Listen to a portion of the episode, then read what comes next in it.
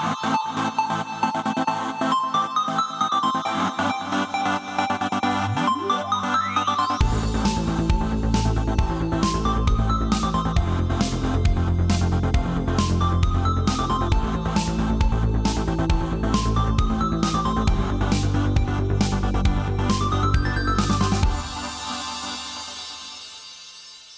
Hallå där och välkommen till Nördliv, en osensurerad, oklippt och fantastiskt nördig podcast om spel och allt möjligt. Eh, det här datumet är den 7 i femte 2022 för att dra till med året till och med, när vi spelar in det här och eh, det är avsnitt nummer 352. Jag heter Fredrik, med mig har vi Jesper och Matte. Nämen, Har god ni- dag eller god, God kväll.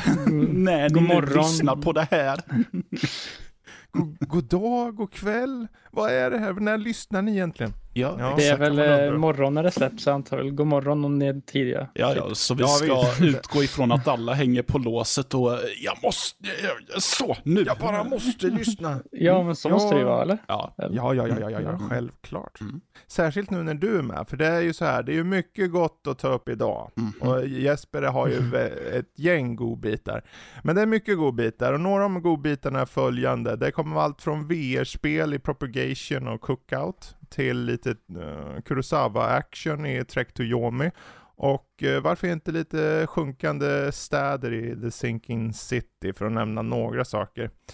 Uh, vi kommer även såklart avsluta avsnittet med uh, Marvel-filmen för veckan. Uh, Doctor Strange in the Multiverse of Madness. Och ja, vi kommer först prata intryck enbart, inga spoilers. Och sen kommer vi gå in på spoilers. Vi kommer säga till då så att ni kan pausa avsnittet och lyssna senare när ni har själv sett filmen. Eller bara lyssna vidare om ni inte bryr er. Så kan det vara. mm. Ehm, helt enkelt. Vi kommer börja liksom, med- vi kommer gå in på nyheter sen också, men framförallt tänker vi börja med Q&A för podden som är då på Discord där vi har en chatt. Där egentligen vem som helst bara kan skriva in en eh, fråga så tas den upp rakt in i podden. Eh, vi har två stycken den här veckan som vi tänkte ta upp och eh, den första då är från Billy som skriver följande. Om vi slänger rättigheter och copyrights åt sidan, vilken utvecklare skulle ni vilja se ta sig an en annan utvecklares IP? Ja, det är ju en intressant fråga måste jag säga. ja. Ehm, då är ju frågan, okej, men vill vi ha, okej, men då är det ju CD Projekt Red som gör Zelda då. Ja, för all del. för Ja. all del. Den blir såhär mörk och Mhm, härlig. mhm, mhm, mhm. Vad vet jag? Ja. Har ni Ja. några förslag? eh, Typ eh, någon, alltså typ när det, om man tar Zelda som ett exempel, någon typ studio som oftast gör typ mera typ mature rated spel, kan man tänka. Mm. Typ, typ from software eller någonting liknande. Typ något som gör till exempel Elden ring fast det är Zelda liksom.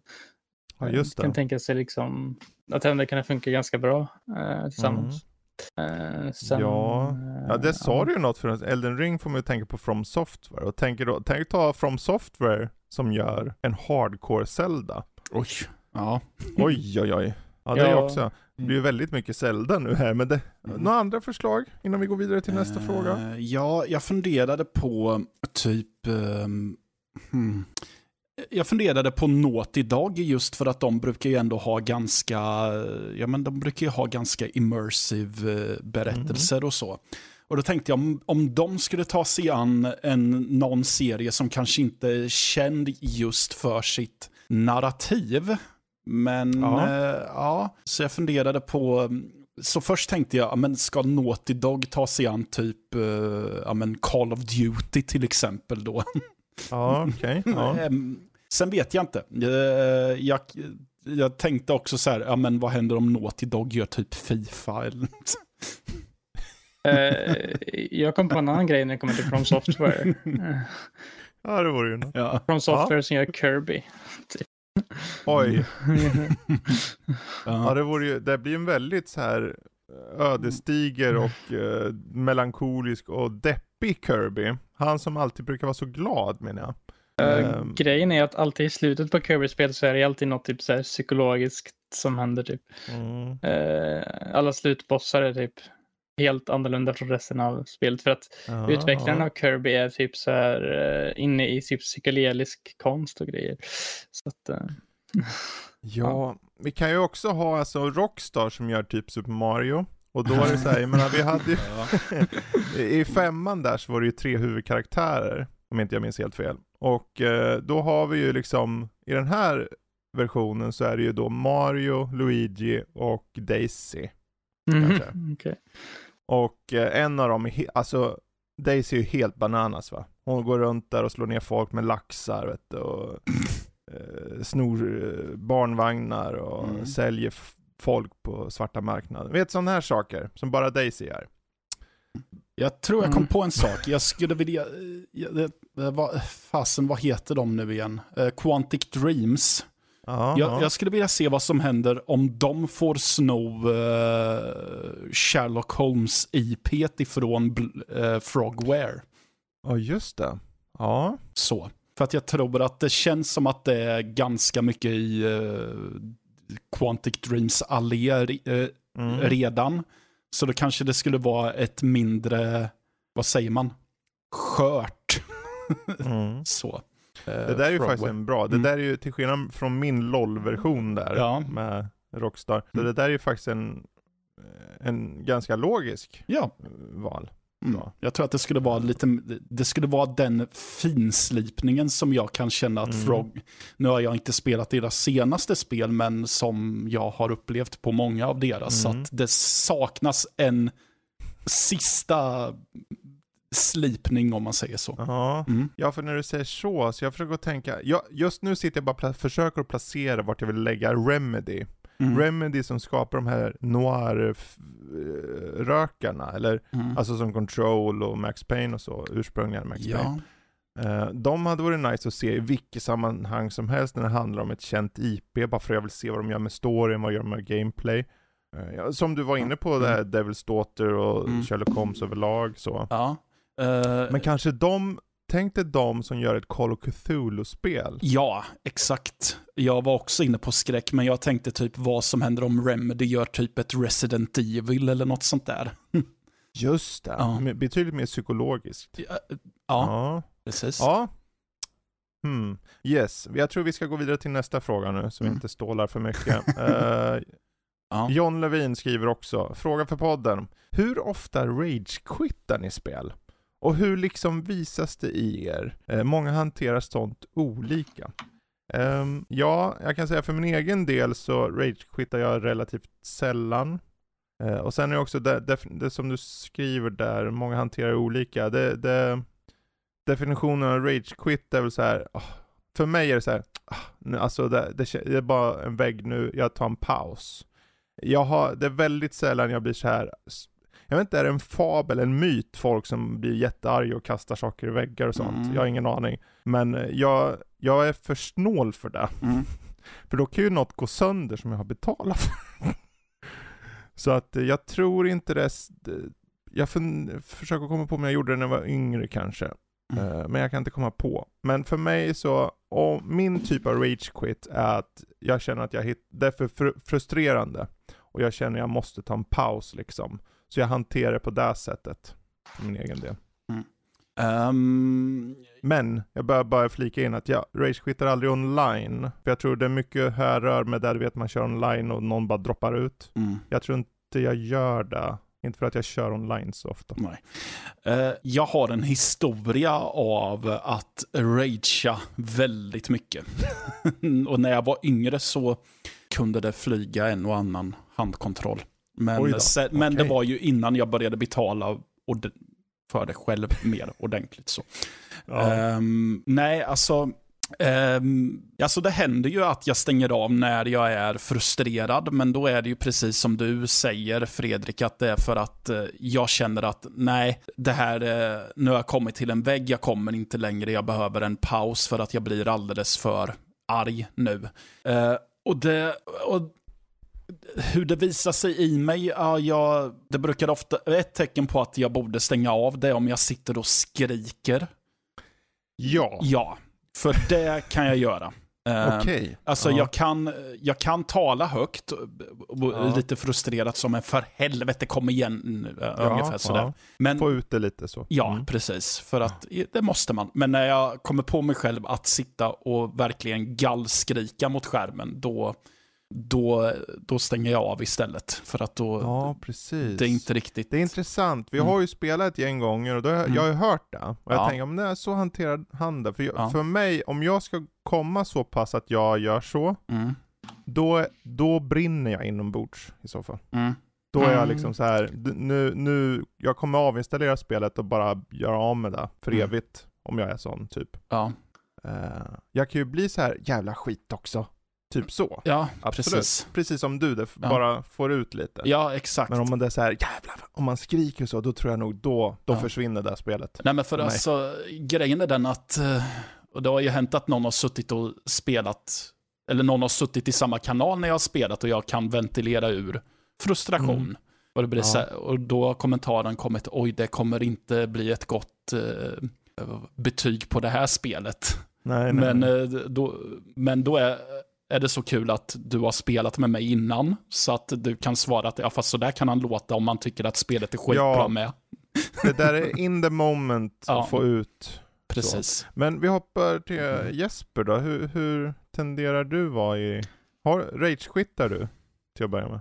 Eh, Alltså, det beror väl helt på, men typ, jag kände väl några gånger i typ, när jag körde typ Bloodborne och testade det så kände jag typ Mm. så här, jag gick i typ första korridoren och typ gick till första bossen när jag kom till till slut och sen så bara dö på den och så måste man typ gå om 30 000 mil för att nå nästa boss och liksom det blir väldigt mycket backtracking på ett sätt som känns som Ja. att de inte riktigt respekterar ens tid.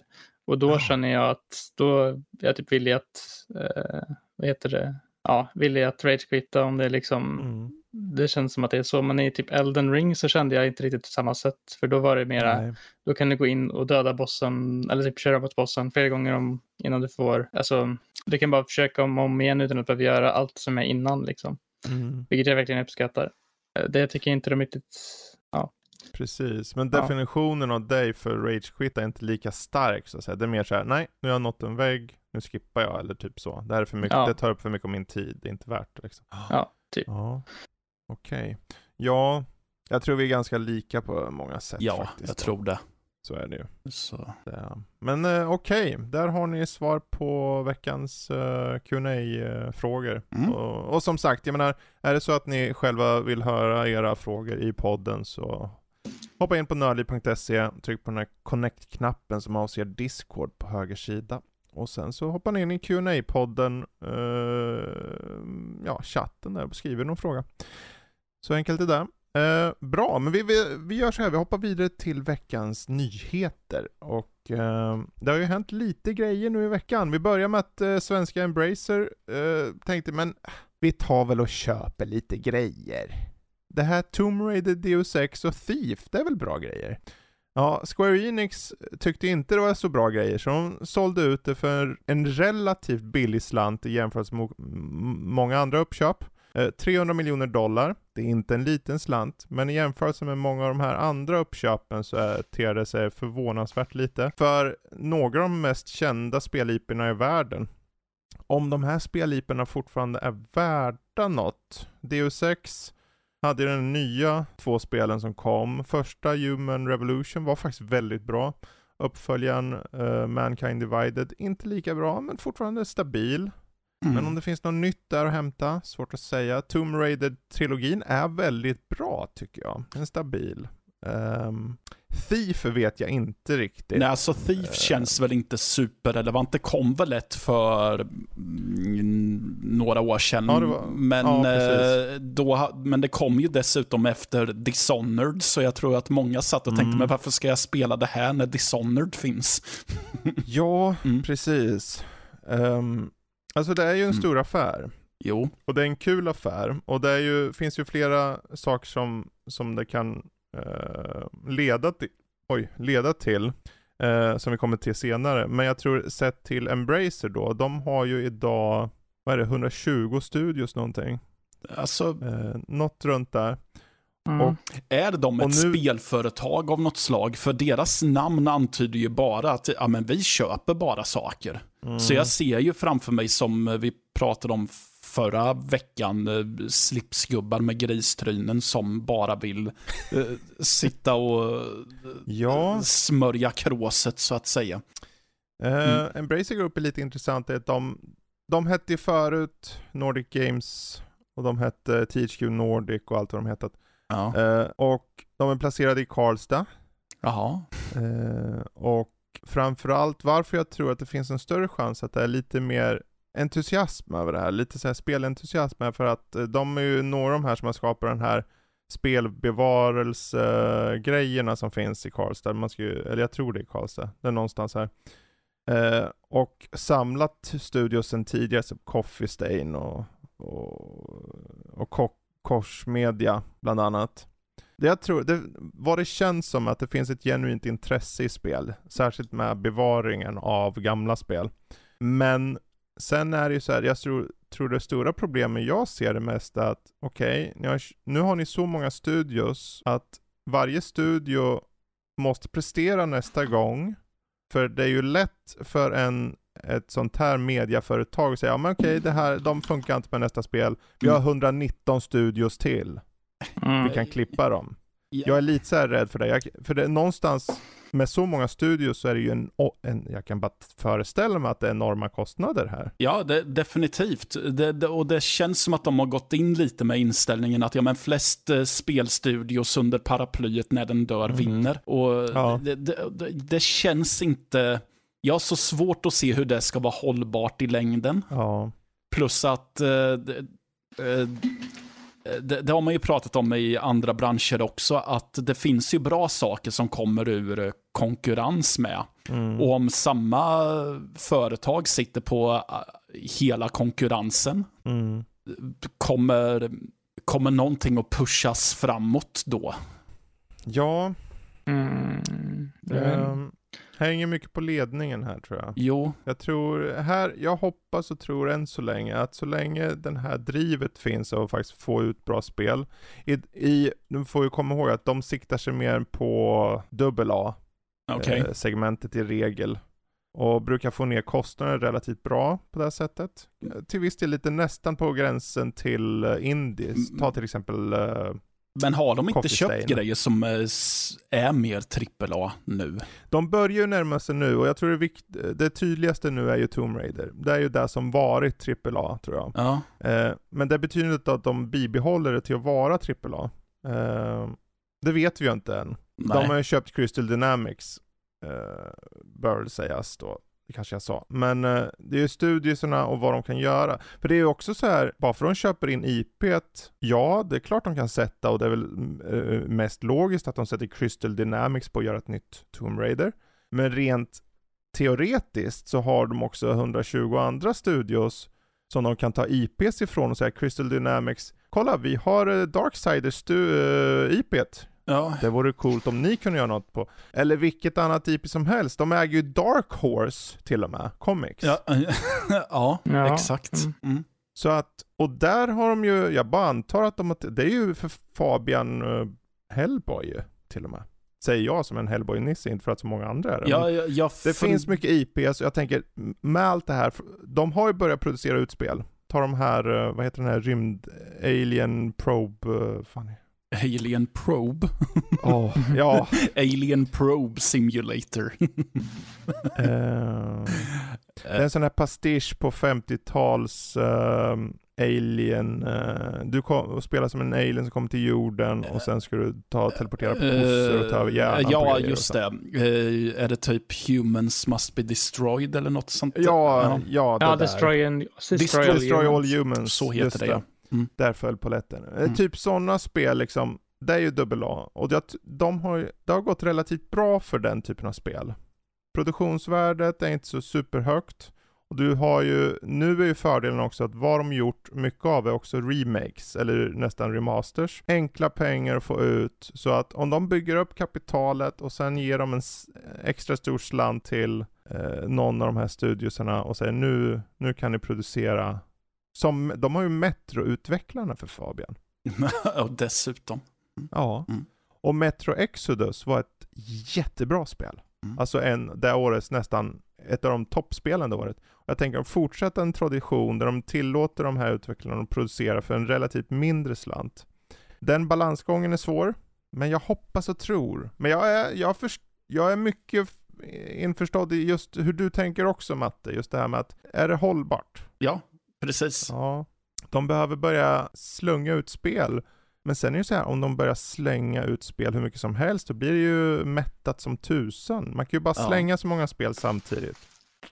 Men, eh, alltså svenska Embracer i alla fall köper från Square Enix och det för oss ju till eh, en närbesläktad egentligen rykte eller vad man vill säga. Det, det, det är ju en läcka då och det är en läcka från flera håll som säger då att Sony nu kan vara intresserad av att köpa Square Enix som nu har blivit billigare då antagligen efter de har sålt av alla de här IPsarna och, stu- eh, och framförallt studiosarna. Um, Ja. Och ärligt talat, det är inte så osannolikt. Nej. Eh, Square Enix eh, spelsläpp på sistone har väl varit lite sisådär. Jag vet inte ens om jag har spelat något eh, av dem på sistone. Riktigt.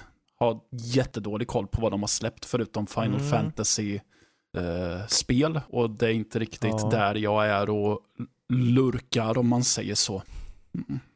Vad heter Ja. det? De har, jag läste idag också att uh, Babylons Fall har bara en concurrent player nu på Steam. Så att, ja, ja. han, han, och jävlar vad han har roligt. Den killen alltså, han har inga att spela med han inte. Nej. ja, han retweetade inlägget också. Okej. Ja men gud. Ja, men eh, det känns som att Square Enix, den senaste kvaliteten på deras spel, typ har droppat något, tycker jag. Det känns som att de slänger ut Något? mass... De slänger ut, no... de slänger ut väldigt Ja. mycket grejer bara liksom. Eh, därför, jag hoppas ju på 16 nu, Final Fantasy 16 ska bli riktigt bra. Och det tror jag ju på Ja. också. För det är ju en annan studio, det är Creative Business Unit 3. Mm. Det, de gör ju bra saker. Ja, men då kanske det är ett uppköp de behöver. Och varför inte Mm. Sony i så fall? Precis. Mm. Precis. Ehm, ja, det är sådär, jag... Man blir ju lite... Först när, när det kom ut att eh, Microsoft köpte Bethesda, då var många väldigt glada för att Bethesda hade haft en spiral som visade neråt lite grann. Och det är definitivt samma sak med nu Activision som köpet förmodligen går igenom nu till sommaren. Eh, och där var det just, när det handlar om spe, eh, spelföretag som man har fått den här, okej vi kan se på att de håller på att krascha typ, eller att det är något som går illa. Då känner jag så här, ja men det är skönt om det är uppköpt och får någon som faktiskt vill ha dem. För om Sony köper in dem så tror jag att Sony genuint vill få ut något av dem. Jo, men precis. Och vill ge, för Sony och Microsoft är tydliga där tycker jag. att fra, Framförallt Microsoft som att det känns som att, ja men kom med era mindre spel så släpper vi dem på Game Pass. Blir, vi får den här diversity liksom då. Det är bra för dem. Och Sony kanske är på väg där också, särskilt nu med de här premiumnivåerna och allt vad det heter i de här Playstation Plus. Ja, de har ju börjat gå på en liknande stig där, så... Mm. Ja, så jag tror att ett eventuellt köp av Square Enix eh, från Sonys sida skulle vara eh, bra och då läggs det lite mer på Sonys sida. Jag vill inte att allt ska vara hos Microsoft Nej. heller. Eh, Nej, av samma anledning Nej. som jag nämnde förut, att det inte är kul om allt ligger i en ringhörna. Mm, Så. precis. Eh, ja, vad kan man säga mer om det här? Ehm, Mm, Det är ja, ju- om det blir sant, vi får se. Alltså, både den här Jeff Grubb från eh, Gamesbeat och eh, Greg Miller då från annat håll har fått de olika källor som påvisar det här, säger de i alla fall. Och det är ju, ja vi får ju se om det blir av. Men det är ju Ja. inte osannolikt nu när Square helt plötsligt sålde för en, för jag trodde ju ärligt talat att Tomb Raider var väldigt mycket mer värt. Och, Mm. och, och studiosarna också. Jag menar herregud, om de köpte, vad kostade, vad kostade Bethesda? Var det inte, det var ju flera miljarder dollar. Ja, jag har för mig om det. Och Ja. likaså nu Activision Blizzard var ju också Ja. Jag vet inte, jag känner inte att Tomb Raider och de, de kanske inte är de som har gjort mest inkomstbringande för Square Enix heller egentligen. Eh, Nej nej, så är det ju. jag Och det är därför att, de säkert fick dem för, eh, för en bättre summa så att säga. Nej, men du vet, Jag de vet ska ju hålla på med blockchains och grejer. Då Ja, de tänker de att ja, men vi säljer billigt för vi kommer ju att hova in storkovan sen. Ja, de är väldigt sugna på NFTs har jag ju hört. Så Mm. att, eh, det- Mm. Ja. Det är det här, just jämförelsen med, får se vad, vad, vad tog de på Embracer? De kostar, det kostar 300 miljoner dollar. Medans Activision Blizzard-affären kostar 68,7 miljarder dollar. Så i den kontrasten så, visst, det är ju Blizzard och Activision, de har väldigt stora spel och så men eh, Ja, det, det är en eh, era Mm. som tar slut där kanske med Square. På den sidan, på västerländska studios i alla fall. Ehm, vi hoppar vidare nu. Vi hoppar vidare. Eh, ja, vi har här en Zelda-nyhet. Vi, vi ska överlåta den här eh, Mm. nyheten till vår korrespondent Jesper som är insatt i ämnet angående eh, Zelda Breath of the Wild 2-detaljer. Vad är, vad, är, vad är det som har sagts? Jo, det var ju något i veckan eh, från den italienska röstskådespelaren av karaktären Daruk från Breath of the Wild. Det är den här Goron-championen som Mm. finns. Eh, eh, han ska tydligen ha röstat två karaktärer i den uppkommande Breath of the Wilds uppföljare. Och en av de, uppfölj- eh, en av de karaktärerna är såklart Daruk också, som från första. Men den andra karaktären har en intressant eh, så här, subtitel enligt vad han kallar den för. För han kallar den för att vara Ancestor to Daruk, typ. Mhm. Vilket antyder mer eller mindre att det kanske är någon slags tidsresande inblandat i Breath of the Wild 2. Vilket har spekulerats, spekulerats om väldigt mycket i och med trailern som släpptes förra året eftersom att eh, när man kollar i bakgrunden och sånt så ser det inte alls liksom one-to-one ut. Det ser mera Mm. liksom ja, fridfullt ut och inte lika mycket ruiner nere på typ marken under de här Ah, ah, flytande okej. grejerna. Eh, Spännande. det kan vara någonting med tidsresande. Och då kanske något väldigt specifikt tidsreseaspekt som de, vill, som de har i titeln och därför inte vill visa titeln. eh, Mhm, spekuleras om. Så att, ja. Jag antar att det här kommer ju snart kanske visas om Nintendo ändå har en direct i juni som de brukar ha, om vi får se någonting då. Men eh, det är i alla fall en liten, precis. kanske en liten hint till eh, vad eh, som komma skall där. Ja. ja, vad kul. Vi får se om det visar sig stämma. För Breath of Wild 2 för övrigt släpps Q2 2023. Ja, bra. Vi hoppar vidare. Eh, en lite helt annorlunda sak egentligen som inte har med spel att göra. Mest för att det har hänt och det var lite så här, okej. Eh, Dave Chappelle, eh, en välkänd eh, stand-up komiker, eh, hade ju sig lite av en intressant upplevelse när när en man då hoppar upp på scen och försöker liksom tackla honom. Dessutom hade han en replika med en switchblade på, eh, på sig. Mm. Ehm, det här var ju intressant i sig såklart, men vad som också var intressant var att han då, eh, eh, ja, han utropar sig som icke skyldig. Ja, hur man nu... Ja, för jag antar att det filmades, eller? ja, Mm. det gjorde det. det. var- Det var ju folk i publiken. Mm. Intressant nog var det här, alltså stand-up eh, i det här fallet brukar inte, man brukar inte få ta med mobiltelefonen in, men någon jävel hade smugit med en i alla fall. Okej. Så kan det vara. Ja. Mm. Ehm, jag tror specifikt Dave Chappelle har så att man inte ska ta med in. Ja. Det är många stand-up komiker i USA som har så. Ja, jag kan ju väl, eh, för jag tänkte så här, ja, eh, var det någon som attackerade honom under typ inspelningen av en Netflix-special? För då är man ju bara dum i huvudet om man säger att nej, Ja. ah, nej jag är oskyldig. Mhm. Ja, var det inte en Netflix special? Jag tror det var en sån va? Eh, Det kanske det var, för då, då är det ju nästan ännu roligare. Eller om man då hävdar att Det är ju ja, det att de, ja. de skulle ju klippa där såklart, så det skulle ju aldrig vara med. Men eh, det finns ju på någon film i så fall någonstans. Om inte annat så fanns det folk i publiken som eh, lyckades få det här på bild när han nästan eh, tacklar honom på scen. Men eh, polisen kom och tog han och han har liksom, han ska betala, eh, han ska betala 30 000 i bail, vad är det på svenska nu igen? Eh, Eh, Skadestånd. borgen. nej, Borgen. borgen ja, Mm. borgen. Och det är bara borgen då. Ja, och Så han det- ska det- väl hålla sig 100 yards. Hur mycket det är i meter vet jag inte ifrån Nej. Dave Chappelle också. Ja. Mm. Men det är sådär att han bara, nej det var inte jag. Nej. Och så men den här på bilden här, som springer mot, Ja, och dessutom, det är ju inte som att han inte hade vittnen. Det ser väldigt likt ut alltså. ja, Det är ju hundratals människor i publiken. Ja, Ja. ja det ju... Men det finns, det finns en eh, idiot för allt tänkte jag säga, men det, så kan det vara.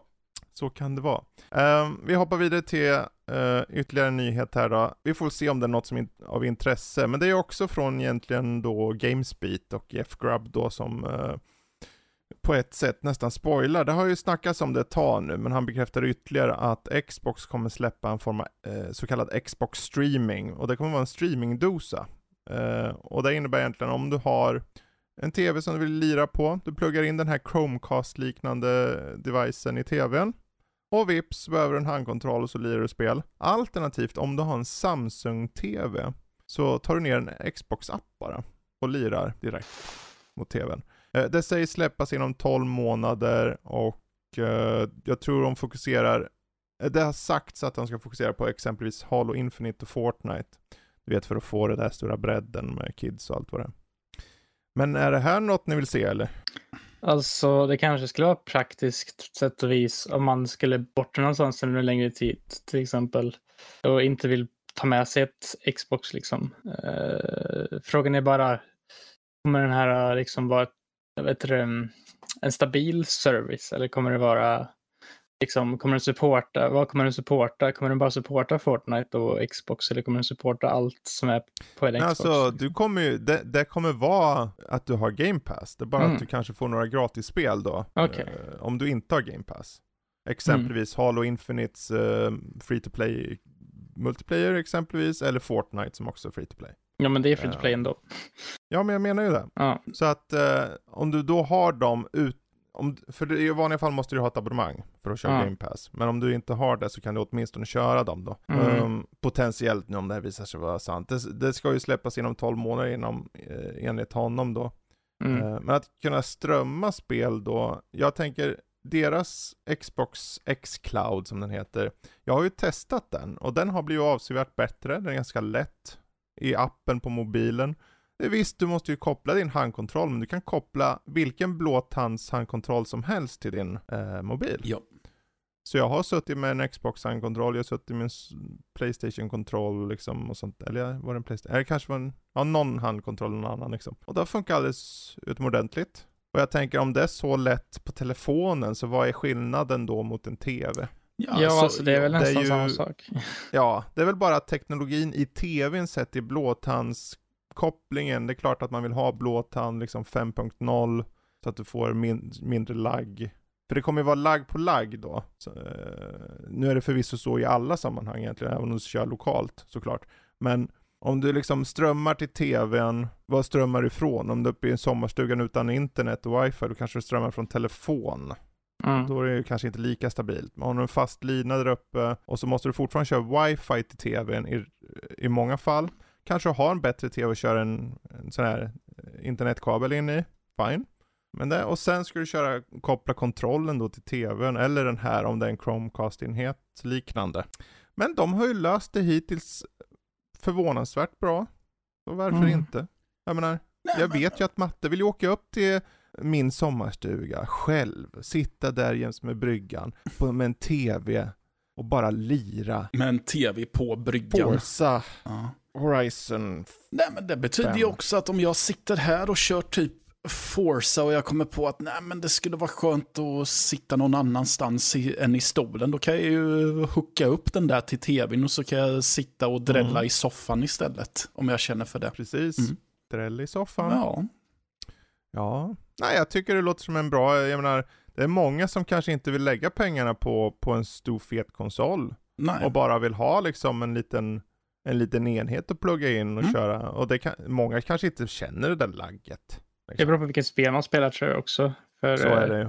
Jo. Om det är typ ett fighting-spel med precisa kontroller Mm. så tror jag att det kommer kännas mycket mer än typ något narrativt pusselspel eller någonting. Jag vet inte. Jag tror det går lite hand i hand med, för om vi tänker oss då, ni får ju ursäkta mig om min logik inte är rätt här, men jag tänker om du mot, och det kanske är lite fördomsfullt också, jag hoppas ni tar det rätt, men i min värld så tänker jag, de som då tänker, ja men jag vill inte ha något fancy pansy, jag vill bara köpa något, plugga in och köra, det är de som kanske inte kör de mest avancerade spelen, de vill bara starta något så här casual-spel, de kanske bara vill köra lite Fortnite, men ungarna lite snabbt här, kör det här. De kanske vill köra lite Fifa, de kanske vill köra något kod eller någonting. Bara hoppa in, skjut någon.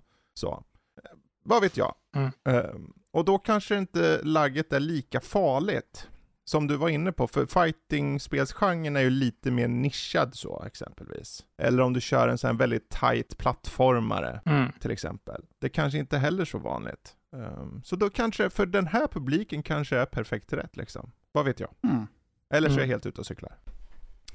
Ja, det Eller kör, ja, man kan köra Tour de France på Game Pass. Finns det Tour de France-spel? Nej det gör det inte, jag hoppas inte göra det för det, det suger. Men det, någon tycker det är kul att trycka på en knapp var tredje mil sådär. Ja men cykla lite hårdare. Ja. Ja. Ja, finns, Oh well. finns det någon typ av cykling som lämpar sig... eh, Finns det Ehm. någon mer typ av cykling som lämpar sig till spel förutom mountainbike? Okej, ja då tog Mm. du ju den. Ja, Det var det Jag... Downhill, vad heter det där? Det var lite mountain Ja. downhill. Mountain, Lonely. Mountains. Lonely mountain downhill. Det var det, det- tyckte jag var jättemysigt. Det var dessutom den där jag tyckte var kul att köra i eh, Riders Republic. Det var eh, downhill. Just det, Mm. just det. Mm. Ja, ja, ja, vi får se. Vi ska inte hålla oss här. Vi hoppar vidare. Jeff Keely utannonserar Summer Game Fest går igång 9 juni. Ehm, Mm. Vilket inte är så dåligt för att vi fick bekräftat här som ni hörde kanske förra veckan att eh, Xbox och Bethesda har den 12 juni. Så att nu börjar det komma. Det, så håll utkik efter det. Eh, och det är intressant då att han också kommer teama upp med IMAX då för att ha eh, på selected viewings eh, så att säga, att du kan också se själva Summer Game Fest, eh, fest i, i eh, IMAX. Jag gissar på att det inte kommer vara så många svenska biografer. Nej, Mm. Eh, inte vad jag vet. Nej, men det skulle ju vara kul att se ett gäng eh, spelnördar ställ, eh, lunka till IMAX mitt i natten. Alltså, det är den här pressen på att okej, alltså nu har vi betalat, vad kan IMAX, jag har aldrig gått på det, det kanske kostar extra mycket i och med att IMAX, så är 2, 3, 200 spänn då, Mm. säger vi. Mm. 200 spänn, då, om jag lägger 200 spänn, då ska det fan visas något bra skit. Och då går Ja. de på en så här in 8-bit studios eh, lilla showcase som visar tre spel, och en är Mm. man en groda i något alternativt 40-tal ätandes hattarmade. Har jag betalat 200 spänn för det här? Ja. Ja, Det är så här alltså, abstrakt, jag är en groda. Vad var det egentligen förra året som var intressant? Det var väl Elden Ring Release Date, kommer jag, det enda jag kommer ihåg Ja. från det. Det var där han Mm. avslutade med om jag inte minns fel. Jag kommer inte Ja. ihåg ett skit. Så. Nej, Mm. det var väldigt så här, det, är ju, det kanske blir mer för han i år då när eh, saker och ting inte är som med E3 och allting är borta och så. Vad vet jag? Mm. Vi vet ju inte fortfarande inte vilka studios och liknande som eh, visar upp saker på Game Fest. Ja, han hade ju med i sitt första tweet några studios, och det var några, det var indie-studios typ. Ja. Eh, eller indie-publishers ska jag sn- snarare säga. Mm. Men eh, that's it som jag vet. Men eh, ja, det blir säkert bra. Han har ju hela, han har hela sommaren på sig. Ja. Eller har han det?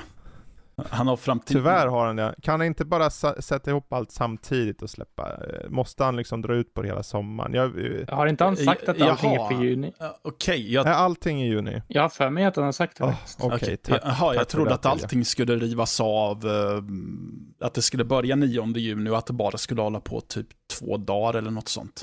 Nej, Okej. för att ju Ja, Xbox har de ju, det. det. är ju en del av det och det är ju 12 Mm. så att det är ju, Mm, Ja, ja, två, tre dagar då. För det skulle ju bli Ja. tredje.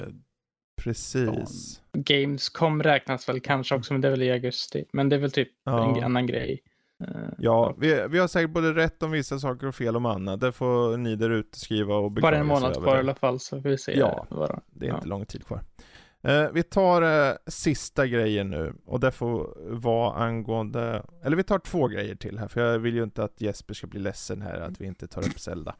Eh, jag skojar bara. Nej, men eh, det är ett rykte nu. Kan eh, Switch kanske få Zelda, Wind Waker och Twilight Princess redan i år? Mm. Ehm, och eh, om inte jag är helt ute och cyklar så är även det här från Jeff Grubb. Ja, det var ju ett rykte typ väldigt många gånger tidigare både 20, typ 20, 2021 eh, när det kommer till eh, det här, den här dubbelpaketet då. Twilight Princess HD, Wind Waker HD, det är två 3D Zelda-spel som fanns på Wii U. Det var bland de sista, Zelda, eller sista Wii U-spelen som inte har portats över till Switch. Eh. Och nu när Skyward Sword HD finns på Switch och Breath of the Wild blir uppskjutet till nästa år så har vi kanske plats för en sån här i år så känns det mer som att det kanske är troligt att det Mm. kommer i år. Eh, jag tror att Nintendo först i alla fall tänkte att Breath of the Wild skulle komma i år. Men om de har Breath, Wind Waker och Twilight Princess så tror jag nog att eh, de kan liksom komma undan med att ta Breath of the Wild nästa år mer Mm. kanske. Ja, för all del. Jag tänker det är väl dags. Det, det känns ju som att det är oundvikligt egentligen med tanke på att Mm. de har släppt HD-versioner hit och dit och allt vad det är. Så det är bara fråga om när. Då, Mm. det. Vi får se om det blir i år. Det vore kul. Mm. Um, avslutningsvis nu då, på riktigt. Jag lovar. Eh, Final Fantasy 16 har fått lite snack där. eh, vi har en produce- producent som kommer ut och säger egentligen att en trailer kommer snart och att själva egentligen är ju spelet eh, relativt klart. Ja, Ehm, men Typ att de klart, håller på det nästan. lite, ja de håller på det lite grann och så. Ehm, det är inte likt Square Enix skulle jag säga dig. Alltså det känns som att de har en helt annan approach på det här Business Unit 3 eh, med den här. För de har bara visat en enda trailer till det här spelet och det var väl typ 2020 tror jag. Eh, när de Mm. hade en Playstation Showcase innan femman släpptes. Tror det var den de visade typ hur konsolen såg ut och sånt. mm. Men eh, det som man Innan säger det här. femman Ja, visades. Playstation 5. Alltså. Okej. Ja. Eh, vad heter det? Det känns ju som att, som det låter så är det, det enda de har kvar med spelet egentligen är debugging och fixar. Eh, Ja. Allt annat är liksom klart och de har en trailer som de har planerat nu men blev uppskjutet. Det skulle kommit i vår men det blev uppskjutet lite grann på grund av någonting. Eh, lite så här interna grejer. Men jag tror att det här trailern kommer komma förr eller senare och kanske är den här en trailer vi får se på just Summer Game Fest 9 juni. Eh, skulle jag kunna tänka mig faktiskt. Eller en ju- State of Play. Eh, Ja. Randomly på en vecka. Jag tänker just, det här är väl någonting Sony själva vill hålla i. Mm. Det är ju, den kommer vara konsolexklusiv till Playstation. Eh, den kommer komma till PC. Och jag tänker det, det här vill de hålla i. Men det är ju frågan när. Ja, det, kan det vara samtidigt? Kan det vara tidigare? jag tror det kan finnas typ två vägar. Jag tror att det kan finnas en väg att de tar det, som jag sa, typ Summer Game Fest-tiden. Eller redan nu i maj. Mm. eh, med någon State of Play. För jag kommer ihåg förra året hade de en State of Play med Horizon i maj som var fokuserad på det. Och jag tror att året innan det hade de en Ratchet Clank, Ratchet Clank State of Play i maj. Om jag inte minns Ja, fel. Så att det kan ju, för det är, ändå, det är ändå liksom, vad har Sony annars i år? Ja. De har Forspoken som vi vet konkret datum på. Och det är Mm. också Square Enix, men det känns inte som att den är lika liksom hög status på på något sätt som till exempel eh, God of War här- och 16. Ja, och det här är ju Final Fantasy. Det är Mm. väl det, de är väl försiktiga nu efter den här Final Fantasy Strangers of Paradise eller vad det hette. När man går runt och är kaotisk hela tiden. Så Chaos. kanske, Chaos. så kanske de inte vill eh, missa målet riktigt med den här. Mm. Men å andra sidan, om, om det hade varit illa så att säga, då hade de ju kanske startat om eller sagt att de behövde längre tid. Men nu har de inte sagt något sånt, mer som att det är väl sagt att det ska komma i år, eller? Det har inte sagts någonting om när det ska Nej, komma, men okej. jag, jag har dock väldigt mycket större tillit till det här än många andra Square Enix-projekt nu. För jag vet att Naoki Yoshida, han lägger verkligen ner allt i sina arbeten med det här. Mm. Eh, och han gjorde ju verkligen en hel flipp på 14 när det släpptes och gjorde det typ en av de mest populära och liksom framgångsrika MMO-spelen. Och innan det jobbade han i Dragon Quest tror jag eller någonting. Mm. Så han har ju liksom erfarenhet. Och sen när de har ju, de har ju eh, combat-designern av, eh, vad var det, Devil May Cry-serien. Som gör combaten i det här spelet. Oj då. Okej. Eh, ja, och story Hack writersen and är slash från, typ. Uh, hack and slash-aktigt då. det verkar ju så i trailern lite grann. Det, det ska ju vara det första mature-rated uh, Final Fantasy också. Oj. Man ser lite blod och det verkar vara mer så här medeltida. Så jag, jag är rätt taggad på att se mer av det här faktiskt. Det ska Mm. bli intressant. Ja, den som lever får se. Och den som lever får se har fått säga att vi är klara med nyheterna. Det tog sin tid, men nu är vi äntligen där. Eh, vi ska gå vidare nu till vad vi har själva spelat och sett och allt däremellan. Jag tänker, hmm, var ska man börja någonstans? Det är så 41 grejer här. Och jag tänker det är lättast att börja någonstans där ni känner mest för det här vill jag verkligen prata om. Eller det här vill jag höra någon annan prata om. Ser ni något här i vår sköna lista som ni, det där, det där vill jag höra mer om? Uh, jag vet inte, Trekt och Yomi kanske kan vara intressant för det har vi båda tagit. Ja, precis. Hade ja. du hunnit kört också lite Matte? Eller? Jag spelade ju förhands... Uh, titeln, titeln. Ja. Så, jag, det. så det vill säga fram uh, första bossen. Mm. Uh, han mm. med den långa pinnen, den, det var Just slut det. efter att man hade likviderat honom. Ja. Mm. Kapitel två tror jag det är. Mm. Precis. Um, mm. Någon som vill dra premissen här?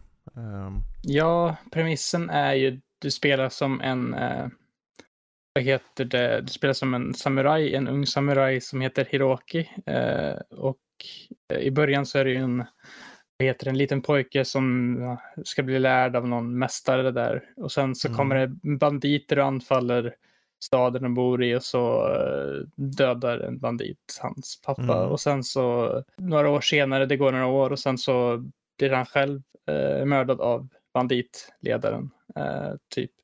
Och hamnar i Yomi. Okej, okay, ja dit inte jag kört än då.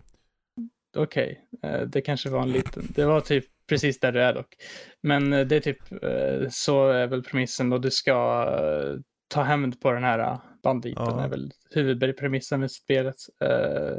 Och ja, det är ju ett väldigt, väldigt, väldigt Akira Kurosawa-inspirerat spel. Det är ja. ett svartvitt spel i lite intressant för de har ett lite intressant perspektivbyte mellan utforskning och strider. När du mm. går runt och utforskar i spelet så är det, vad heter det, tredimensionellt. Du kan gå runt och leta samlingsobjekt och eh, uppgraderingar till några lång, liksom ranged avståndsvapen och grejer. Mm.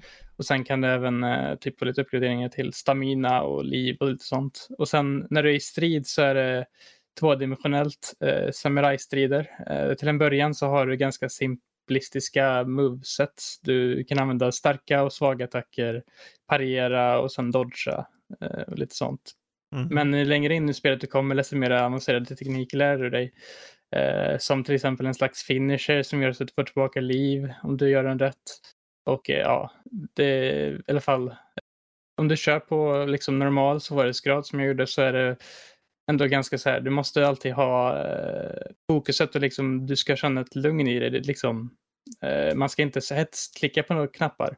För ifall hetsklickar på knappar på spamma knapparna så kommer eh, Hiroki bli väldigt trött snabbt. Mm. Eh, så det gäller att klick, liksom, ha ett tempo i spelet och parera och liksom undvika saker. Precis, och eh, vänta in ibland liksom. Ja, till att få läsa motståndaren. Och, och Precis, jag, jag, upplevde det som att uh, man var tvungen att anpassa taktiken utifrån vilken typ av uh, fiende som kom emot dig. För jag märkte mm. att alla fiender hade olika taktiker. Det var typ att, ja men den här gör alltid en sån här attack, så om jag hoppar bakåt lite istället eller något sånt. Mm. Mm. mm. Mm. Ja, det finns ju lite olika där. Det är ju typ, det finns ju karaktärer med rustning till exempel och de kan vi inte riktigt ta ner om man inte använder starka attacker eller kontrar. Eh, för ifall man mm. slår med vanliga attacker så nuddar man dem knappt ens. Så det finns lite sådana saker. Dock så kände jag ibland att det kändes lite off när man skulle tajma pareringar och sånt. Eh, det känns som att man träffar kanske bara 70% av alla pareringar, även om man vet att man klickar i liksom rätt ja, timing. Ja, ja, exakt. Ja. Jag är på samma, för jag märkte ibland på pareringarna, att jag bara, men vad konstigt, jag trycker ju exakt när han är på väg. Men det är så här att du behöver vara lite tidigare. Det är som att det, mm. det är inte riktigt exakt där. Men det är ju sådär, i och med att hela spelet är åtminstone konsekvent på det, får du in det där tänket på att vara aningen tidigare på vissa saker, mm. så går det i regel bra. Men, ja, äh... det är lite så här, det tar lite tid att komma in i kontrollerna. Eh, och sen så, jag som har kört klart det, så kände jag också att blir lite väl repetitivt i slutet. Mm. För att det verkligen typ, det går från ett område till område, går i ett tredimensionellt område ta på dig lite typ, föremål och lite sånt. Sen bara strid, strid, strid, en shrine Mm. som du kan spara för din liv. Strid, strid, strid, strid, shrine och sen känns Mm. det finns lite andra element senare som låser upp lite pusselliknande grejer, men de är väldigt enkla och de, alltså de gör inte jättemycket egentligen ändå, utan det är egentligen känslan av spelet och den här Akira Kurosawa-inspirationen som jag tycker ändå håller mig kvar. Jag tycker att den är Mm. väldigt, jag det, alltså spelets, liksom, det är mer en upplevelse nästan tycker jag. Ja. Det känns som att eh, man är en del av den här filmiska upplevelsen på något sätt. Precis, Eh, jag tror det går lite hand i hand med spellängden där. Att det är Mm. nog bra att de valt vad som verkar vara, jag har inte kört igenom den, men att Mm. ni har sagt runt fem timmar ish. Ja, eh, det tog mig fem, Fem, fem, sex. sex timmar. Jag kollade Ja. sen på How long to beat för att se om jag var ovanligt snabb eller någonting, men det var fem, sex timmar där också. Så att Okej. sju Och jag timmar tänker det kanske är bra, det är en bra längd faktiskt. Mm. Jag, tror, jag tror det är en bra längd för det här. Och det, jag menar det kostar på Steam typ just nu 18 euro. Det är Mm. inte så mycket. Och det är med på Game Pass också.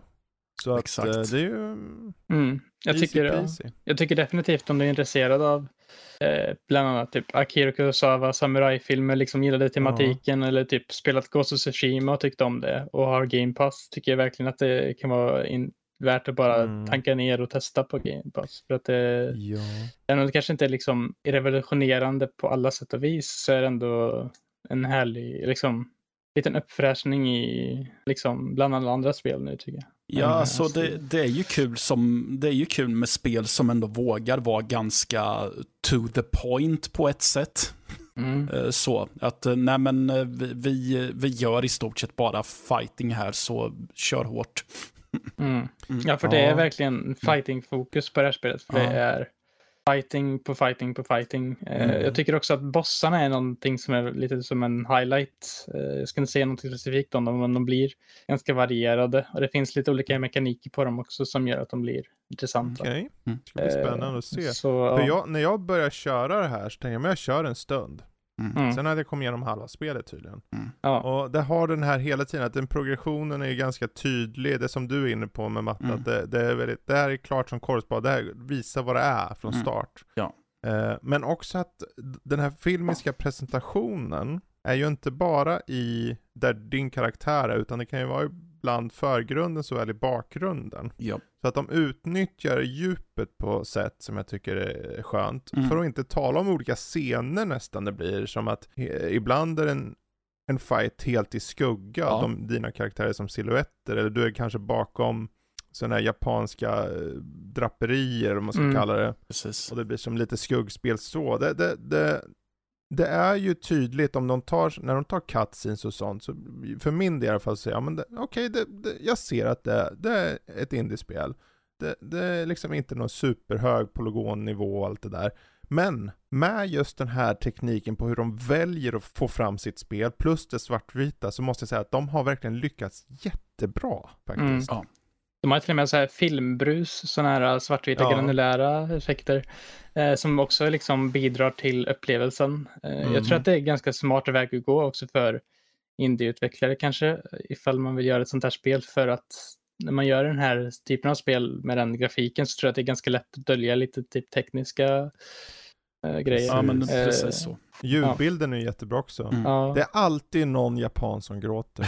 ja. Man, hör, man, hör, Mm. eh, man går runt på gatan och hör Mm. någon som skriker taskigt eh, typ, eller lätt jag ledsen typ. Mm. Och det är liksom, man kan gå och typ hjälpa dem eller någonting ibland och lite sådana saker. Är, ja. Ja herregud, jag vet inte hur många gånger jag gått in i ett hus och det är någon som bara vrålbölar liksom. Så. ja, det är Som sagt, något. det är alltid någon japan som gråter. Men det, ja.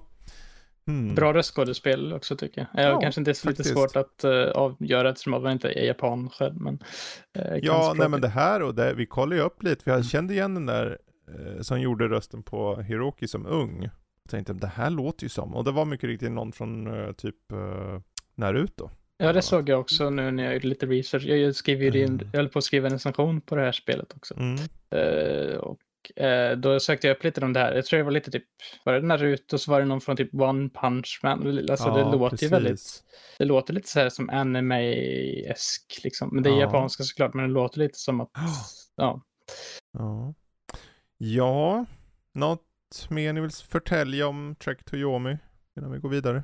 Ja, bara om du är intresserad, låter det intressant så värt att testa. För det finns ju såklart Ja. gratis på Game Pass både på PC och på Mm. dator. Eller PC och konsol. Precis, precis. Ja. ja, jag kollar här bland alla spel. Jag blir ju, jag måste fråga, för jag har ett par spel som jag är nyfikna på. Men vi börjar med tr- 13 Sentinels. Ja, Eh, vad står det? Angie Rim? Aegis Rim tror jag. Aegis Rim. Okej, Ja, vad är det här? det här är ett blandning mellan typ visual novel möter RTS kan man säga. Eh, Okej. Det är ett spel eh, du spelar i en uh, framtid, eller du spelar i väldigt många olika tidsperioder. Det är lite så här förvirrande just nu. Jag har kört kanske två timmar av det eller någonting. Mm. Men eh, du hoppar mellan olika tidsperioder och karaktärer. Eh, Så du får 13 olika perspektiv i storyn eh, som du hoppar mellan. Oj, Eh, och det är lite svårt att prata om storyn för att jag har inte riktigt greppat det helt och hållet än för att den men med tanke på Trek to Yomi, finns det även här någon japan som gråter? Eller? Inte än, tror jag. Nej, okej, Men vad skönt. eh, det är i alla någon, fall... någon japan ja, som skrattar kanske, eller mår bra. Det tycker Ja, jag också. det utspelar sig i alla fall i eh, Tokyo, eh, tror Mm. jag. Eh, och det är en stor, eh, ett stort anfall av daimos som är i princip kaiju, typ så här stora jättemonster.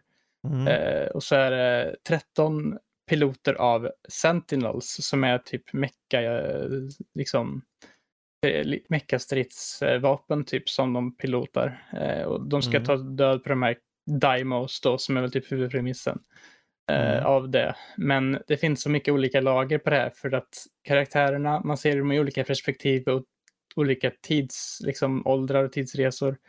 Okej. Eh, och det, det är väldigt många trådar som måste följas sig samman. Men vad jag har hört i alla fall så ska det här, den här storyn ska ju vara fruktansvärt intressant senare. Men just nu känner jag ganska mycket att det är väldigt förvirrande. Även om jag Ja. förstår, jag gillar den här mystiken ändå. För jag tycker om när det finns mycket mystik inom berättelser som vi, liksom man får reda på, liksom man får ett aha moment senare och sånt. Jag tycker Mm, sånt kan mm. vara intressant. Eh, och sen så, förutom när man liksom går runt, man samlar på sig information, tar del av, tar del av lite story, du går runt, pratar med folk, gör lite dialogval Mm. och får lite olika svar. Och du, får en, du kan använda en Fought Cloud så du kan prata med dig själv och liksom diskutera om vad det här handlar om. Och sånt. Okej. Det är ganska enkelt till spelmekaniken när man är liksom i visual novel-elementet. Men när det kommer till, sen så finns det även ett RTS-element där du ska liksom strida mot de här Daimos. Och det är att du kör som de här eh, Sentinels då och eh, attackerar Daimos i realtid med lite olika sorts vapen och ska skydda en eh, Aegis Control Center tror jag det är som ligger i mitt, något sånt där eh, heter det och det ligger i mitten av kartan. Och när den har gått en viss tid så exploderar den och eh, alla Daimos dör runt omkring dig. Men om du, inte, eh, om, du, om du dödar alla Daimos innan så klarar du det ändå. Men ifall Daimosarna förstör den här Aegis Control Center så kommer eh, vad heter det, du förlora eh, den. Mm. Så det är lite så här realtidsstrategi Ja, blandat med vision novel som jag inte riktigt... Det, ja, det är... Ja, det är ju onekligen en intressant mix. Jag vet inte om jag blir såld på det personligen utifrån det här. Det låter lite virrigt så, men det låter onekligen ovanligt originellt i alla fall. Mm, Ja. Men det här, vi kanske får följa upp på det här sen och Mm. liksom, om du tar det vidare och kanske kör klart och se om, det, liksom, om trådarna går samman och det faktiskt blir så här, aha, nu förstår Mm. jag. Och sen sitter det en japan i hörnet och gråter i alla fall till slut. Ja, ja förlåt, det- nu går jag tillbaka till Det, den det, där. är, s- Men- det är så det slutar med allt. Att japanerna Mm. gråter. Allt, alla vägar leder dit, oavsett vad du tar dig an. Alltså jag skulle inte förvånad om det Mm. finns ett tillfälle när Japan gråter i spelet i alla fall. Mm. Men eh, Ja. Lyssnar du riktigt noga så kan du säkert höra en gråtande japan när du sitter och spelar Gran Turismo. Gran Turismo. är det japanskt det spelet va? Det inte det? Ja. Ja, men det kan väl vara japaner med i spel även om de inte är japanska. Jo, men jag fick tänka på om det Menar var... du nu att det är jap- alltid en japan som gråter lite i de flesta sammanhang? nu? Ja, det är precis det jag säger. I The Sinking City då, Mm. vart är japanen? Eh, Förmodligen i den senare delen av eh, spelet, för jag har inte kommit så långt än. Wow. Så, eh, så att jag inte har hört den än. Men ja, kanske om jag inte... Jo, men jag tyckte mig höra någonting i en undervattensscen möjligen. Så, Det var en ja. groda, säg som det är. Okej, ja, ja, det passar En ju eftersom att... Människogroda. Det passar ju sig eftersom att det är Frogware som har gjort spelet. Mm. Som vanligtvis annars gör eh, Sherlock Holmes. Eh, Mm. Holmes. Och nu, det här var för några år sedan nu, så hoppar de in i H.P. Lovecrafts un- universa och ska Mm. göra någonting som jag har förstått är lite baserat på um, Shadow over Innsmouth. Mhm. vilket är lite kul för eh, de nämner ju den stan här men de, det är för att det finns några mm, fiskmänniskor som eh, folk tycker om att vara, ha en rasistisk inställning emot och de blir, är trötta på att bli behandlade som skit. Så då, Finns det några fiskmänniskor som man gillar? Nej, nu, nu, det här, jag vill ju bara höra allt om det här nu, känner jag. vadå? Allt, ge mig allt. Allt? Ut med Allting. Om fiskmänniskor? Ja, ge mig. Hur är rasismen? Det- Är det så här, det är den där kaskelottmänniskan. ja, men, Ja. eh, ja men typ. Det, det, Kolla på han. Han tror Ja. han är något. Nej men alltså det är lite på det sättet och det, det finns någon familj som, nu har jag tapp, eh, Morgoth heter de inte, för det är ju för fan en Sagan om ringen eh, gammal gud typ. Men eh, det finns någon familj där som där de ser ut att vara korsade. Det ser ut som att det är människor korsade med gorillor typ. Och de blir ju kallade för apjävlar och allt vad det heter. Nej. Ja, Mm. precis så.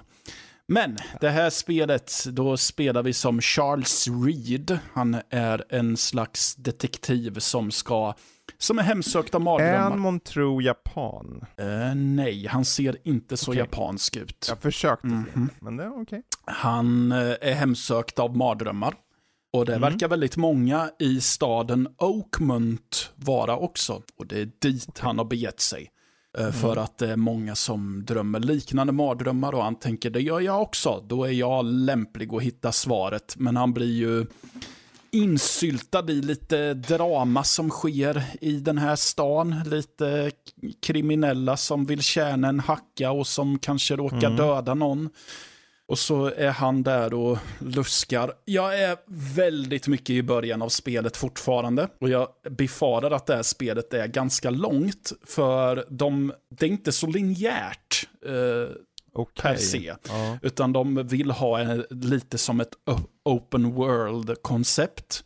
Och om man är en, för de som är lite mer åt det inbitna hållet i äventyrsgenren så kan du ställa in så att hur mycket handhållning du ska ha i ditt eh, detektivarbete så till den milda grad att eh, du kan ställa in att spelet inte bara stavar ut för dig att du ska åka till den här destinationen härnäst. Utan det blir du själv som får eh, tänka att okej, men han, han är skadad. Ja, men som det var efter en brottsplats så kom det fram att ja, men, han som överlevde var huggen i axeln. Okej, då kommer han troligtvis söka, då kommer han förmodligen försöka söka vård. Var finns närmaste sjukhus? Ja, men det finns där borta, då åker jag dit och kollar. Så det är Mm. mycket mer på den nivån. Och det kan jag uppskatta. Sen uppskattar jag väl inte så mycket när man undersöker brottsplatsen att man ska göra någonting som heter retrocognition eller något sånt där. Eh, För Charles Reed har lite övernaturliga förmågor. Han kan eh, typ koppla på, han, han, man kan med ett knapptryck göra så att eh, han får ett konstigt filter på hela världen så han kan se hemliga filurer och hemliga fåglar som eh, visar honom till hemligheter. Han får inte stanna där inne för länge för att då blir han knäpp och ser läkare som kommer och hytter med eh, sprutor i ansiktet på honom och så. Ehm, men i alla fall, då öppnas det upp som revor i um, tillvaron som man kan gå in i. Mhm. Och sen så ska han gå runt och försöka komma på eh, ja, och så ser han med hjälp av något fult skuggspel hur scenarier har spelat ut sig. Ja, men ungefär okej. som i eh, Division gör ju det. När man springer runt på Precis. dag- gatorna så kan du se, ja, men här, så Batman eller vilket Ja, sånt ja, där. eh, ja, exakt. Mm. Witcher ja, 3. exakt. Och så, Autopsy typ. och så, Nej, man ska typ, ja. nej, men och så ska du lista ut i vilken ordning de här sekvenserna har utspelat Ja, sig. det. Och det är, så, Mm. det, det är gjort på ett så trist sätt tycker jag. Och Mm. Frogware har använt sig av det här i ett tidigare Sherlock Holmes-spel som heter The Devil's Daughter. Men där var du ju tvungen att, där var, gick du ju inte in i ett övernaturligt filter, utan det var ju i riktiga världen och du var tvungen att aktivt leta efter de här sekvenserna. Och när du kom till den punkten där det fanns en sekvens så var du ju dessutom tvungen att undersöka på marken först så att Sherlock kunde lista ut att ja, men här är det någon som har eh, slagit den i ansiktet med en morot. till exempel. Som sig bör. Ja. Ehm, ja, men plus att ordningen är oftast i den ordningen du hittar sekvenserna Mm. i. Eh, och sen, men det som är mest bedrövligt att göra att spelet är lite jobbigt att försöka spela vidare på. Det är en riktig tålamodsprövare. Det är, Okej. det är, Jag hoppas det inte är något viktigt nu. det är striderna spela. i spelet. Nej! Strider också. St- ja, Du menar hela grund Ja, gameplay-mekaniken? ja, det är ju liksom- ett survival horror. Så de måste, och även om survival horrors ofta säger att ja, men bästa taktiken är att skita i och slåss, utan det är bara att fly. Men alla tvingar dig ju förr eller senare att fightas i alla fall. Eh, Så. Och ja, Mm. men alltså det är så, egentligen låter det ju inte så svårt för att eh, du, om du kör med handkontroll så du tar upp eh, pistolen med ett knapptryck och med Ja. ena spaken så styr du siktet rätt och Just skjuter. Det. Det, är ju ganska basic, men det här är så... Han är så fruktansvärt stel, den här karn. Och det, det är så oprecist med spaken. Och jag visste ju om det här ifrån början, att, strid, att just det här skulle vara skit. Och att man Jaha. kanske egentligen skulle spela på PC, men nu var det väldigt billigt på Playstation, så då vart det där. Ja. Ja, men jag såg att det fanns aim assist att ställa in. Så jag tog ju den på strong. Den assisterar inte ett skit. För har jag strong aim assist vill jag ju att karaktären i stort sett siktar på egen hand när jag trycker upp vapnet. Men det gör Ja. han inte. Du måste styra minst lika mycket som om du inte vad- är Det assisterad. måste ju vara någon skillnad, för om, det, om du sa att det fanns strong, då antar jag att det fanns medium eller, eller easy eller någonting på Eh, aim assist. Ja, någon, eh, alltså att den ska vara off eh, lite och eh, Strong. strong eller något sånt. Ja, Ungefär. det var ju märkligt. Ja, det, det är skitmärkligt för... eh, Ja, ja. Vad, vad synd, för jag Ja, liksom ja. upplägget för Sinking City, jag kom, jag för med Danny snack om det här för då när det begav sig, att, ja. att han också, han tyckte ju om spelet, han Mm. såg väl förbi där lite antar jag då. Men jag undrar för min egen del, för mig är det så här, eh, spelloopen, alltså det som är grundbulten i vad som är i bemärkelsen ett spel, ja. Borde ju vara underhållande. Och om Ja. det här inte är det, alltså Alltså det har... Du måste ju vilja spela vidare, för om du förr eller senare Mm. blir så här, ja men jag kommer allt, förr eller senare kommer någon jävel Mm. attackera mig. Ja, alltså det, Ja. grejen är den att eh, undersökningsdelen gillar jag. Alltså det, detektivdelen i spelet tycker jag om. Men Ja. du kom, det kommer vara tillfällen då du måste gå in och leta i ett hus. I det Mm. huset så finns det, eh, finns det skräckmonster som du måste skjuta. Eller kasta tegelstenar på förvisso, men det, ja. Va? Ja, nej men alltså så det, det finns... Bär han runt på tegelstenar då? Ja, du kan, det, man kan plocka upp sådana emellanåt. Okej. Men eh, alltså, Ja.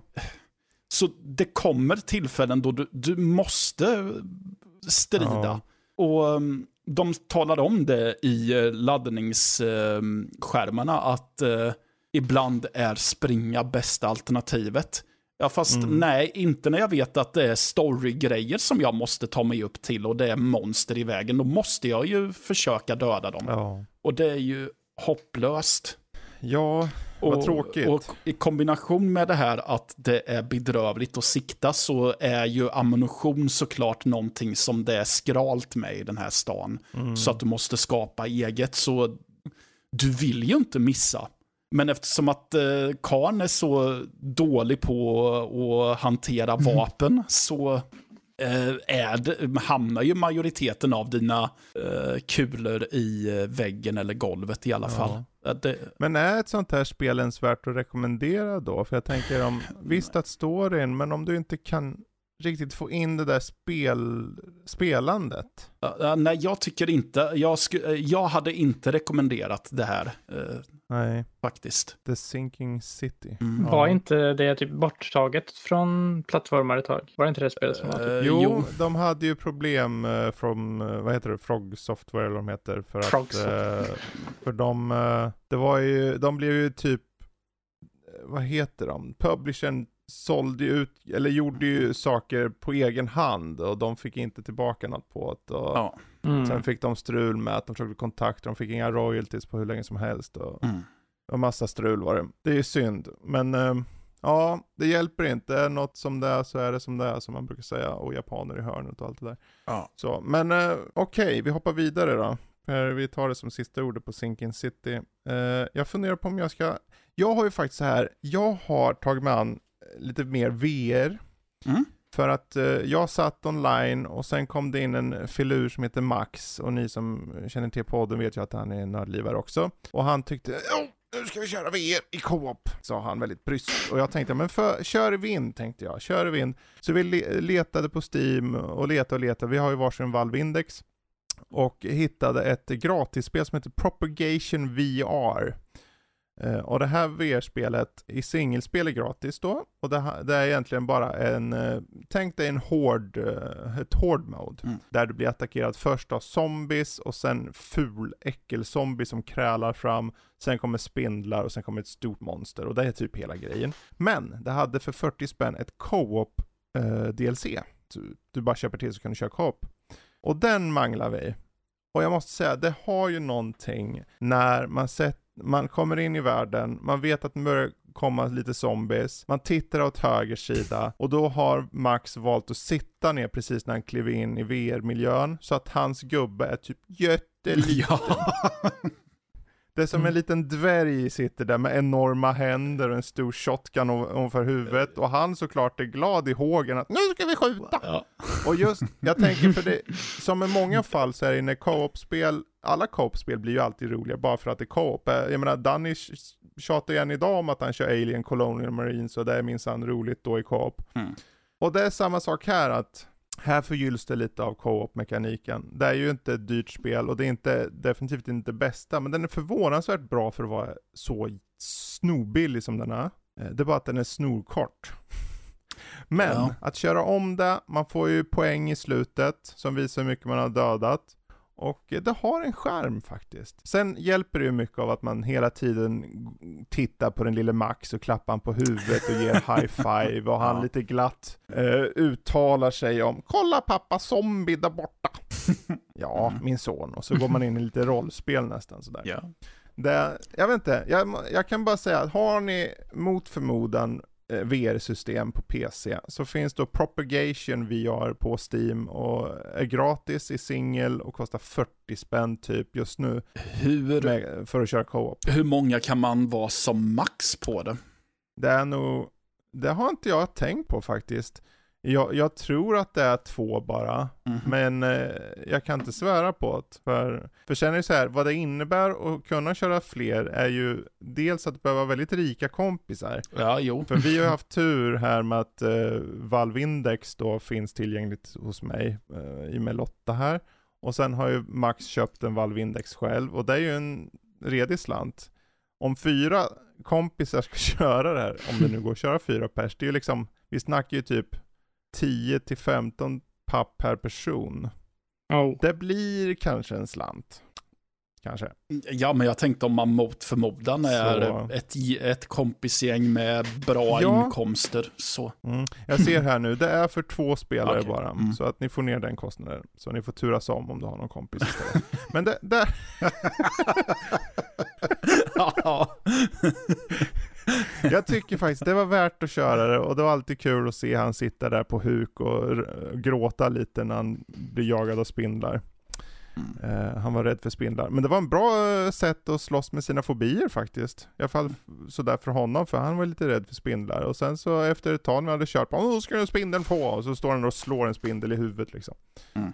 Eh, Vissa är så pass stora att man faktiskt kan göra det. Särskilt när han är så liten också, för han är smart nog att sitta ner på huk när han kommer in i VR-miljön. Men där har vi det, Propagation VR, kort och koncist. Eh, vi hoppar vidare, jag tänker, vi är ändå inne på dig Matte, vi tar hoppa in på Norco. Det låter som något oanständigt, men är det det? Eh, nej, Norco är ju en ort i det här spelet. Ehm, det är uh, släppt av Raw Fury. Eh, det är Okej. ett uh, äventyrsspel som be- beskrivs som Southern Gothic. Gothic. Det vill säga att det är en gotisk berättelse i eh, amerikanska södern. Vi spelar som Kay som uh, beger sig hem till sin gamla hemort som heter Norco. Där Mm. eh, mamma Catherine precis har dött och broder Blake är försvunnen. Nej, inte Blake. Ja, den där nedrans Blake. Eh, Så man eh, teamar upp med sin, eh, med typ en husrobot. Det utspelar sig lite i, fram, Okej. det utspelar sig i framtiden. Oklart Ja. hur långt in i framtiden, för att när de, när de nämner år så har de blandat in Y och K och grejer. Som en sa, Ja. som jag, träff, jag stötte på någon varmkorvförsäljare som såg ut att ha väldigt gamla korvar på grillen. Frågade Okej. hur länge har du haft de här korvarna? Han sa, ja men jag har haft de här sen eh, YK, år YK2B. Jaha. Okej. Ja. Det- Jag, så oklart hur långt in i framtiden Mm. det är. Men, eh, och i den här berättelsen så får man även reda på att det är ett mysterie lite vad mamma pysslade med. Hon verkade Mm. ha sina fingrar inne i väldigt skumma affärer och det måste vi ju ta reda på vad det är också. Ehm, det är intressant, alltså eh, mysteriet och berättelsen tycker jag är intressant och eh, det, det är lite intressanta karaktärer och så. Eh, jag var dock lite... Jag vet dock inte vad jag tycker om vilket typ av spel det är. Det, det är ju ett, ett typ av peka-klicka, men det är ju inte det här att du har en att du ser en karaktär som du klickar runt och det är inte mm, som gamla Atlantis eller Egypten att du, ser en, att du bara ser en pil och så är det som att du styr en kamera mer. Utan Mm. här är det som att du klickar runt i, i en miljö på klickbara saker och läser Okej. om det. Eh, om vad det är för något och likaså när du pratar med karaktärer. För det, det, Mm. det händer ju inte så mycket. Men, okej. men det är också, jag antar väl att det är det som är meningen, att det kanske ska vara en mer casual upplevelse. Och jag kan väl Mm. uppskatta det till viss del också. Men jag vet inte, det var inte vad jag hade förväntat mig tror jag. Eh, de har kastat in minispel i det som jag inte är helt såld på. Som, Okej. Ja, men det var vid ett tillfälle så var det en var det en katt som satt på en, ett skrivbord. Och man Ja. blir förvarnad av en karaktär att nej, nej, eh, den där katten är aggressiv, den, eh, den rivs. Men så när du försöker klappa katten så kommer det upp eh, några symboler som blinkar vitt i turordning. Och då ska du sen komma ihåg vilken ordning de blinkade och upprepa det mönstret. Jaha, okej. Och det blir ju svårare och svårare och jag trodde ju för mig själv att det, att det är någonting som är viktigt med den här katten nu. Och det visar sig bara vara ett Easter egg för att eh, likt, en, likt en rymdraket så, fly, så flyger katten rätt upp i, stratosfären istället. Mm. Okej. Ja. Ehm, och det är lite så, det var en, en snubbe som man kan slå ner och då försökte de implementera något typ kortspelsturbaserat RPG-aktigt istället. Mm. Så jag vet inte, det, Det låter splittrat lite det så. är lite splittrat och det är ju dels i eh, spelelement och också lite vad vill den ha för ton? ja. För i, ibland känns det som att den vill vara som en gotisk thriller. Mm. Och ibland känns det som att nej men vi vill vara ett knasspel. Mm. Eh, och visst, man kan ha knasiga karaktärer och så i en thriller. Det, det kan man absolut ha, men eh, det- ib- här, det, det, det blir lite mycket av den varan kanske här ibland. Just så att det Mm. blir, det blir så, ja men det blir splittrat helt enkelt. Mm. Ja, om vi säger så här, den finns ju på Game Pass. Ja. Så har man Game Pass kan man i alla fall testa dem, särskilt om man gillar genren. Mm, exakt. Rent utseendemässigt tittar jag på den och tänker, men den ser ju ganska... Jag tycker om hur den ser ut. Ja, men det, det, det Så. är jag med. Det har lite, det, det har ju det här lite retro-pixliga så, men Ja, ändå, precis.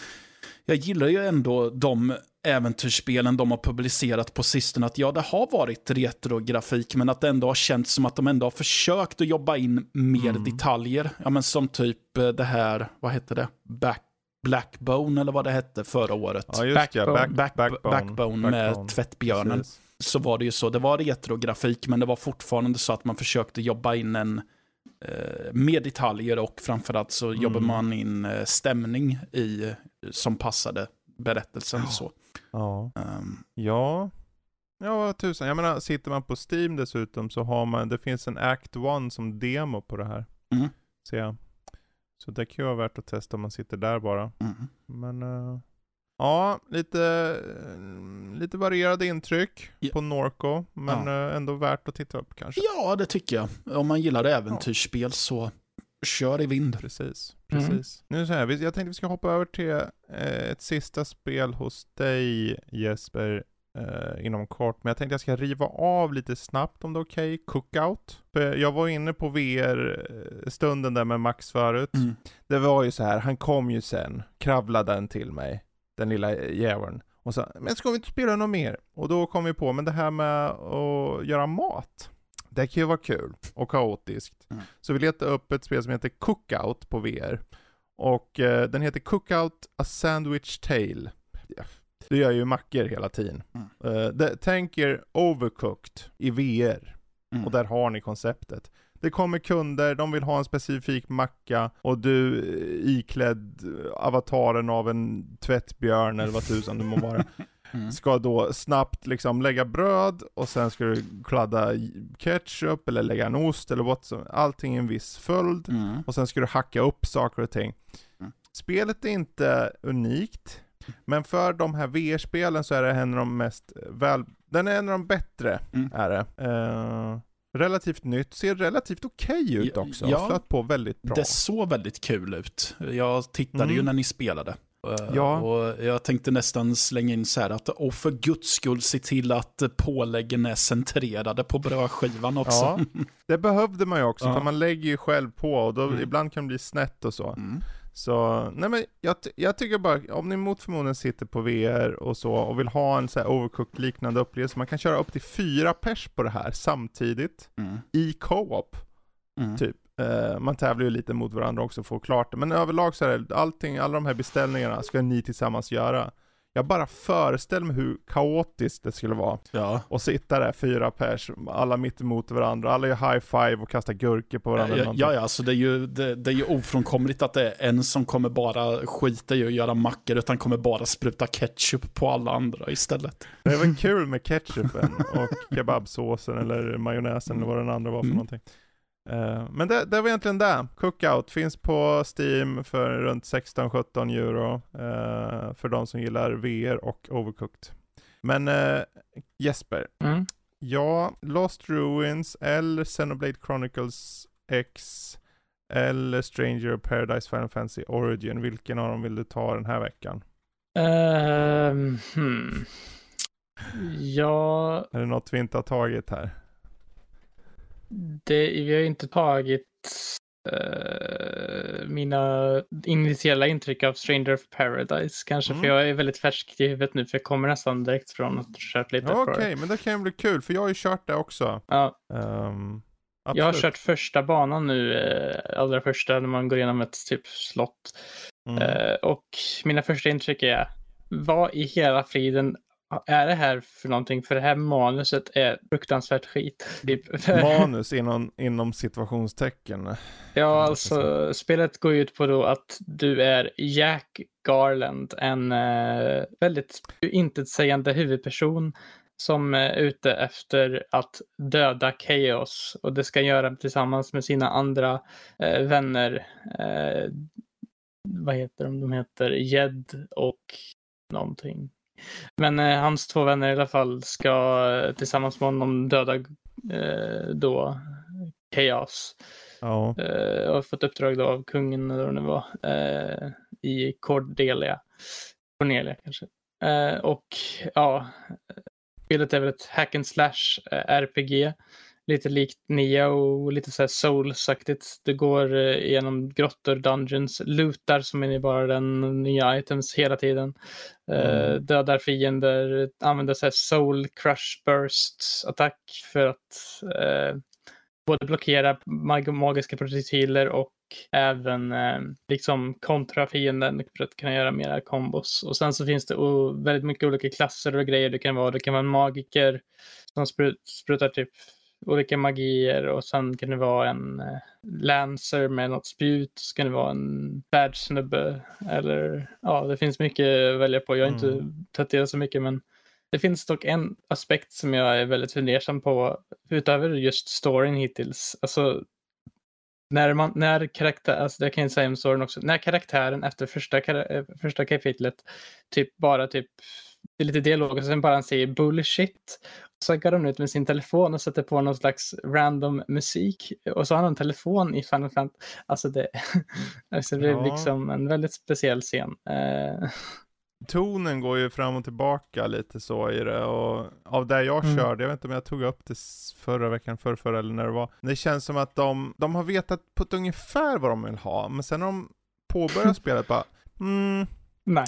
nej vi gör bara något annat här, rent storymässigt så. Men det, Ja. nu, nu sa ju du hans efternamn, jag vet på ett sätt blir det lite spoiler men ändå inte då, Ja. för det är ju, ah, vi kan väl säga, det märker, Garland är ju, det, det går ju direkt in i Final Fantasy 1 då. Och eh, Jaha, jag, egentligen, jag, jag, man, man, eh, jag tänkte helt Man, eh, fel. Jag tänkte på Judy Garland.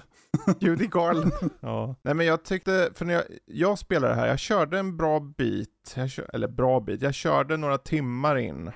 Eh, mest för jag ville få, jag ville få en, en bred eh, koll och sen tänkte jag okej, alltså den här storylinen är ju så, han är så skrikig och arg den här killen. Mm. Jack. Eh, att jag bara, ja men jag tar och kollar resten. Och sen så, aha, för det bör, hela spelet börjar med en, en scen när det är en bad guy i en rustning som bär ut en typ prinsessa eller något sånt. Och det förstår man ju, om man har sett liksom, man har Mm. sett eller spelat original Final Fantasy så vet man att den karaktären är bad guyen. Mm. Sen det visar det sig att han heter Garland och det är ju då Jack som med tidsresor och allting. Det är, åh, den här storyn är som, den är, Ja. den är skit. Ja, alltså den jag den är lät dock, ju fullständigt ljuvlig. Jag, jag, jag kan måste säga dock att jag är dock intresserad av att köra vidare på det ändå för Mm. att det är så bonkers.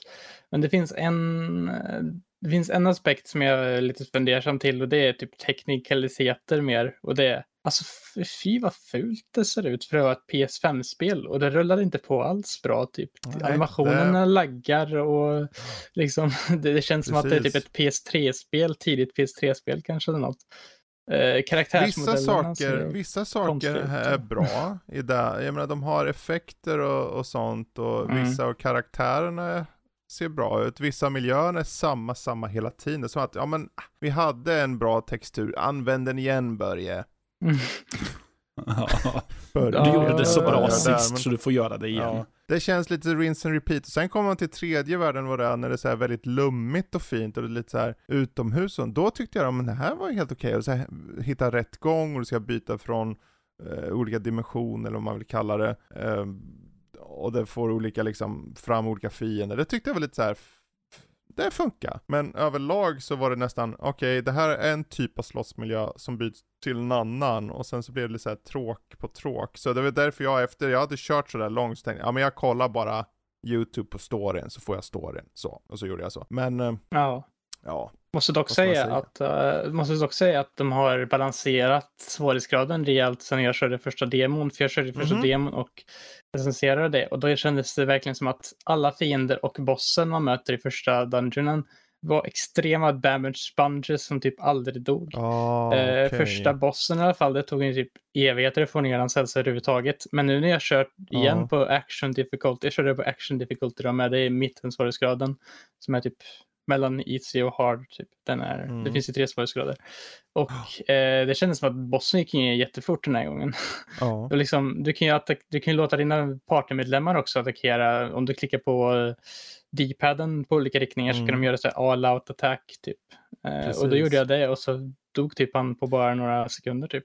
Ja, och, och till spelets försvar, om du gillar att levla, för att levlingen är ju, den här progressionen är konstant mm. hela tiden och du kan ha olika klasser eller jobs, som det heter, mm. som du verkligen, du kan uppgradera en helt trä på en och då har du typ åtta jättemånga kvar, 8-9 stycken, hur många det är, mm. jag kommer inte ihåg. Och du kan få kombinera dem också sen och så. Så att det finns en, det finns en lekfullhet i det, tycker jag ändå. Mm, dock tycker jag att men, det blir lite för, alltså det blir väldigt det mycket blir, sånt. Det blir lite så här, det blir lite så här, så mycket av det, så att man blir ja. så här, okej, okay, jag vet inte vad som är bra de här, alla ser ut att vara coola, men det är inte som att alla, i och med att det är hack and slash, blir ju allting bara, tryck på allting och bara mosa snoret ur det. Så att det spelar egentligen i slutändan inte lika stor roll, så känner jag. Det fanns inte så mycket strategi i det riktigt. Det fanns Nej, till ja. viss del här och var, men överlag så, jag vet inte. Jag höll mig typ i första banan då bara till två vapen och det var ja. det här svärdet man fick i början som typ funkar väldigt bra. Eh, och sen mm. även magi med vattenmagi för att ta ut de här eldbollarna. Typ. Det är typ det jag använt det, egentligen. Jag har inte riktigt använt de andra så jättemycket för jag känner att det här funkar bra och det liksom. Ja. Eh, ja, vi får, det blir kul att se mm. vad du tycker om det längre fram när du kanske kört igenom mer. Mm. Vem vet. Men vet du vad, jag tror vi ska ta runda av just speldelen där och ta och gå över till den sista delen idag som får bli Doctor Strange. Uh, och vi kanske spoilar lite nyss här angående uh, Final Fantasy Origin, men vi ska inte spoila angående Doctor Strange 2 först, utan jag tänker vi börjar med bara premissen då. Mm. Och kanske vad vi själva tycker snarare. Um, och egentligen då det här, alltså det tar ju till viss del vidare från dels WandaVision och såklart Doctor Strange 2. Och um, det är ju då egentligen att han då försöker rätta, vad, vad, kan man säga för om man vill dra det här utan att spoila något? Vad skulle du säga då? Eh, alltså, jag vill försöka, ja jag vet inte riktigt. Det... Man kan väl säga så här att det finns ett hot där ute som är ett hot mot mänskligheten mer eller mindre. Och, ja. och eh, Doctor Strange gör allt han kan för att rädda inte bara universum men också en person som han har kommit i kontakt med nyligen som, som heter um, America. America Chavez som har en specialförmåga då som gör att han kan eh, hjälpa andra universum också till viss del då. Vara ja. multiversum. Och det är egentligen det, det är premissen så. I väldigt förenklade drag. Um, ja. Och eh, ja, jag kan ju inte säga att det inte, alltså det kändes väldigt Sam Raimi. Ja. Väldigt Sam Raimi. Eh, på både bra och dåliga sätt. För min del så var det så här, okej, okay, tonen som som han har är så tydlig. Du vet, man har dörrar som slängs igen och det är mm. sneda perspektiv eh, och sen så har du eh, när eh, shots, liksom när close-ups på ögon när de tittar på varandra. Mm. Det kändes så väldigt Sam Raimi. Jag tyckte om det ibland, men ibland var det så att tonen nästan blev lite skev på grund av det. Men överlag på berättelsen sett i Doctor Strange tyckte jag den var okej. Okay. Eh, eh, Benedict Cumberbatch och eh, hon, eh, vad heter hon som spelar Wanda, Wish, Wanda uh, Elizabeth Olsen. Jag tycker de var mm. bra i rollerna. De, det kändes som att de verkligen gick in för det. Sen mm. kan man ju tycka hur mycket karaktärisering finns det på Wandas sida? Nej, alltså inte jättemycket egentligen. Men, alltså hon, hon är ju ute efter att få tillbaka sina barn. Det är hennes premiss ja. kan man säga här. Eh, och hur hon går tillväga, det är väl där vi kommer in på eh, lite av det potentiella skräckelement som finns i den här Ja. eh, filmen. Jag Det- säger ja. skräckelement, för det är inte en skräckfilm, men det har element som kan för vissa kännas som skräck. ja, den är ju verkligen så här segmenterad. Alltså det finns vissa segment som är väldigt så här skräck-ish, typ. Mm. Eh, speciellt mot slutet. Jag ska inte säga vad som händer, men jag kan säga att alltså typ halva filmen så går den mer åt det hållet än det var innan. Ja. För då börjar den gå mer åt typ, det finns lite jump, det finns någon jump scare här var och så finns det lite typ Mm.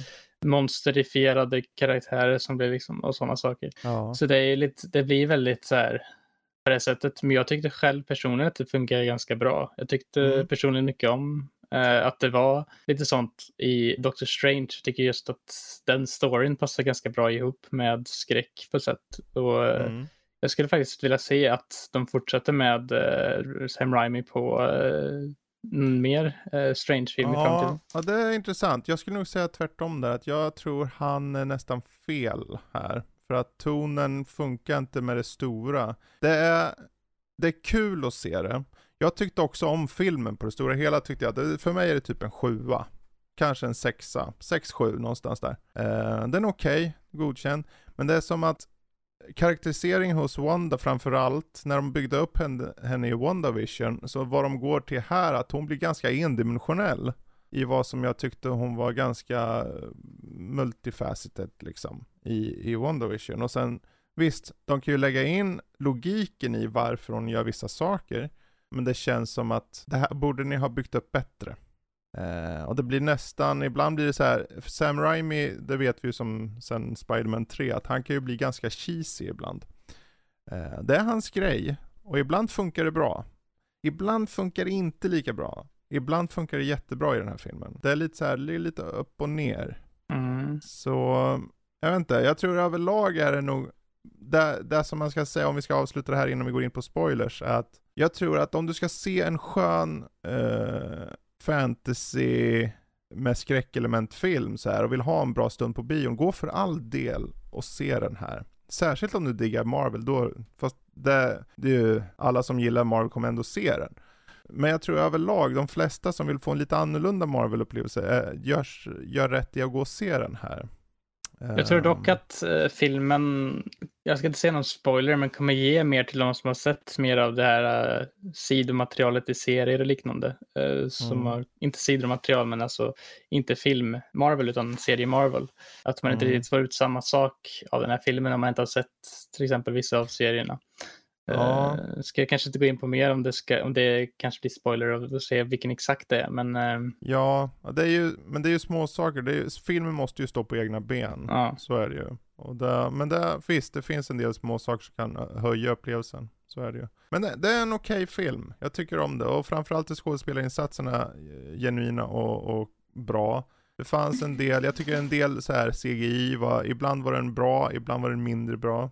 Som varit ganska tydlig, men det är så här klassisk eh, tjat som man, eh, folk säger såklart. Man får ju ta det som det är, jag menar, allt är ju påhittat i alla fall. Det är ju inte som att Mm. de bra CGI-effekterna inte är påhittade heller liksom. Då ska Men, eh, jag se den här och svara på om den verkligen står på sina egna ben. Ja, absolut. Mm. Absolut. Mm. Eh, bra. Men en okej film. Jag vet inte om vi har något mer vi kan säga som inte är spoiler, spoilers. Jag kan säga att för mig är det väl typ en åtta kanske faktiskt. Mm. Jag tyckte den var Vad väldigt, roligt. väldigt, alltså jag kände mig underhållande hela tiden. Liksom. Jag tyckte Mm. att det var en väldigt, alltså det var skönt att se något fräscht med lite mer skräck från Marvel som oftast Mm, mer är åt kanske mer bara ren action och kanske lite komedi mera. Och Precis, det kändes mer seriös med eh, en skräckblandning och det tycker jag, jag tycker om den slags tematiken i film och Mm. Stories överlag så jag tycker det passar riktigt bra. Så en åtta Härligt. skulle jag säga.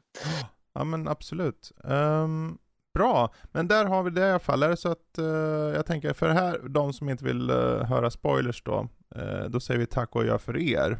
Så hoppas jag att ni lyssnar igen nästa vecka. Och jag kan ju passa på att säga det att vi passar på att slänga in en Discord-fråga angående lite här med filmregissörstil i spel. För vi var inne på Trek Toyomi som har Akira Kurosawa-stil. Varför, vad är då frågan? Eh, Därför är frågan, vilken känd filmregissörstil skulle ni vilja se översättas till spelmediet? Är det Wes Anderson, är det Bergman, Mhm. Sam Raimi kanske igen, eller eh, Tarantino och så vidare? Eller, varf- en eller varför inte Ja. Kevin Smith? Kevin Smith, Dogma. Eh, en sån eh, omröstning kommer finnas inne på Discord och den Discorden når vi via nördliv.se. Den är stora knappen eh, för Discord. Tryck på connect, kommer ni in så kan ni vara med och rösta i den eh, så småningom. Bra, vi hoppar över till spoil- spoilers. Eh, jag tänker det finns ju ett par saker här som, som är intressanta för, för min del. Men jag tänker om du kanske har något du vill börja med. Det kanske är samma som mig. Ja, alltså att de tar med så många. Jag tänker mest på liksom hur de integrerar liksom både X-Men och Fantastic Four och What Mm. If-serien. Väldigt mycket What If-serien. Eh, med, eller... Eller inte. inte kanske också. För att det är ju inte samma karaktär från What If. Nej, men här. det... Men det är ju, Ja, man förstår ju att i och med att de hade med Peggy Carter som eh, Captain Carter i Mm. What If. Eh, för i det universum fanns ju inte Captain America utan det var det Captain Carter, hon då, som vart Captain America. Och den, där har de ju en annan variant på henne med här, om en kort. Och sen väldigt dör hon. kort. Ja. alla bad, alla bad guys höll på, alla de här nästan cameos var ju väldigt kort med. Det, jag, kände, jag kände ärligt talat att det var lite så här: okej, ni borde nästan ha skärt bort några för att det kändes onödigt att ha med vissa för att om ni, om ni gör processen så kort, för här har vi personer som har slagits mot Thanos ja. och vunnit och de, och de får en, en fight med Scarlet Witch som tar, det tar bara ett par minuter så är alla döda. Typ två sekunder så bara de typ För en även gång. om hon kan vinna såklart över dem, så borde det ta mer än ett par minuter. Jag menar, hon, tar till, hon gör ju så att Black Bolt typ spränger sin eget huvud på en gång för att stänga mun på bara. Um, förvisso Ja. lite kul. Ja, alltså den scenen där när vad heter det, de dödar alla de här i den här fighten, är nog den I- scenen jag inte riktigt håller, alltså det är nog det som jag typ tappade lite med tycker jag, för att de introducerar eh, Xavier, Captain Carter, Mm. de här all, allihopa liksom på en och samma gång typ, bara några minuter innan och typ så här Ja. pratar och liksom ger som att, ah, kommer de här liksom vara en stor viktig del av resten av filmen nu, vad spännande. Och sen typ två minuter senare, Scarlet Witch kommer in i bilden och bara mosar alla till döds liksom. Precis. Det känns som att det var helt, varför ha med dem om de liksom ändå ska dö? Liksom, det Ja. känns som att det bara är fanservice för att vara inte. fanservice i det. Ja, jag kände också att nästan, det, det är något som saknas här också. Det känns som att Mm. det är någonting de hade haft med mer här. Det var mer footage på det här. Det var mer kanske till och med karaktärer som jag kände, det är något som har Mm. klippts bort. För att det kändes så förhastat allting. Mm. Nu är förvisso är ju hela filmen väldigt snabb i sin uh, framåtrörelse. Jag menar redan från start så bara slungas du in i allt med den här alternativa Doctor Strange, eh, Defender Strange. Mm. Defender Strange försöker att rädda eh, hon den här tjejen, America Chavez, och hitta den här Vishanti-boken eller vad det heter. Mm. Och sen så kommer han på, nej det går inte, jag måste döda dig och ta din kraft. Och sen så dödas han av någon monster, eh, Doctor Strange. Som kommer tillbaka senare när Doctor Strange då, det här, det här är mina favoritsaker, det var väldigt Sam Raimi det här. Ett lik av en variant, alltså en alternativ Doctor Strange ligger i vår värld. Doctor Strange typ går med sån här ande projection eller något. Han tar Mm. över det likets kropp Ja, just det. Ja, just den. Ja. och styr det. Så att du får egentligen in zombifikationen av i, i den här filmen som är så Sam Raimi. De har en zombie Doctor Strange med i den. ja. Den tyckte, och den var ganska välgjord. Jag tyckte han såg bra ut som zombie. ja. Så där. Men jag där trodde liksom- först att ja. den liksom skulle vara en, liksom gå och bli ond, den där zombifikations... Mm. eh, och sen bara helt plötsligt blir det han och liksom han blir honom i slutet. Och liksom. Ja. ja, han var död bara. Det var att han tog över Ja. hans kropp bara. Det var Defender Jag Strange tänkte, jag tänkte kanske kropp att, liksom. tänkte kanske typ att Wanda med Scarlet Witch kanske Mm. skulle tagit över den och liksom blivit den. Eh, Och liksom att det blivit en stor fight mellan eh, zombie och riktiga Strange eller någonting. Men Ja. nej, det blev det inte. Eh, Och sen även det här med att Wanda går till att bli liksom överpossessed av den här Scarlet Witch-grejen. Allt det där. Ja, att hon, hon går ju fram och tillbaka till det andra universumet där Det var lite en annan här, ja. Maximoff, alltså en annan Wanda, som har barn. Och den tar inte upp någonting om Vision. Vision är Nej. inte ens med i den andra. Han, jag vet inte, Han det känns han var inte ens med någonting väl? Nej, han var inte med alls. De nämnde hans namn ett par gånger, that's it liksom. Men det var det är udda, det känns som det, jag vet inte vad det var, det kändes lite o... Inte välskrivet på vissa ställen bara. Det var, Mm. tappat, de tappade tråden lite. Och sen har vi Darkhold, den här boken då som Wanda har använt. Som har gjort att hon, hon korrumperats då. Som helt plötsligt, nu, nu hon, hon är elak och hon vill döda alla. Och ju fort hon kom till det här Kamartaj, stället där de försöker försvara då eh, den här tjejen America Chavez Mm. eh, och så. Och eh, när jag såg att hon typ eldade upp någon snubbe eller någonting, ja men hon är körd, hon kommer dö. Hon måste bort, eller dö, hon måste bort bara, i alla fall ett tag så. Det finns ingen uh, redeeming arc där längre för mig, känner jag. Om man bränner upp folk liksom. Nej, alltså jag tycker det är också lite så här märkligt hur de liksom gick mellan hon i verkliga världen med sina barn hela tiden och sen hon hela tiden blir lite så här okej. eh, ja.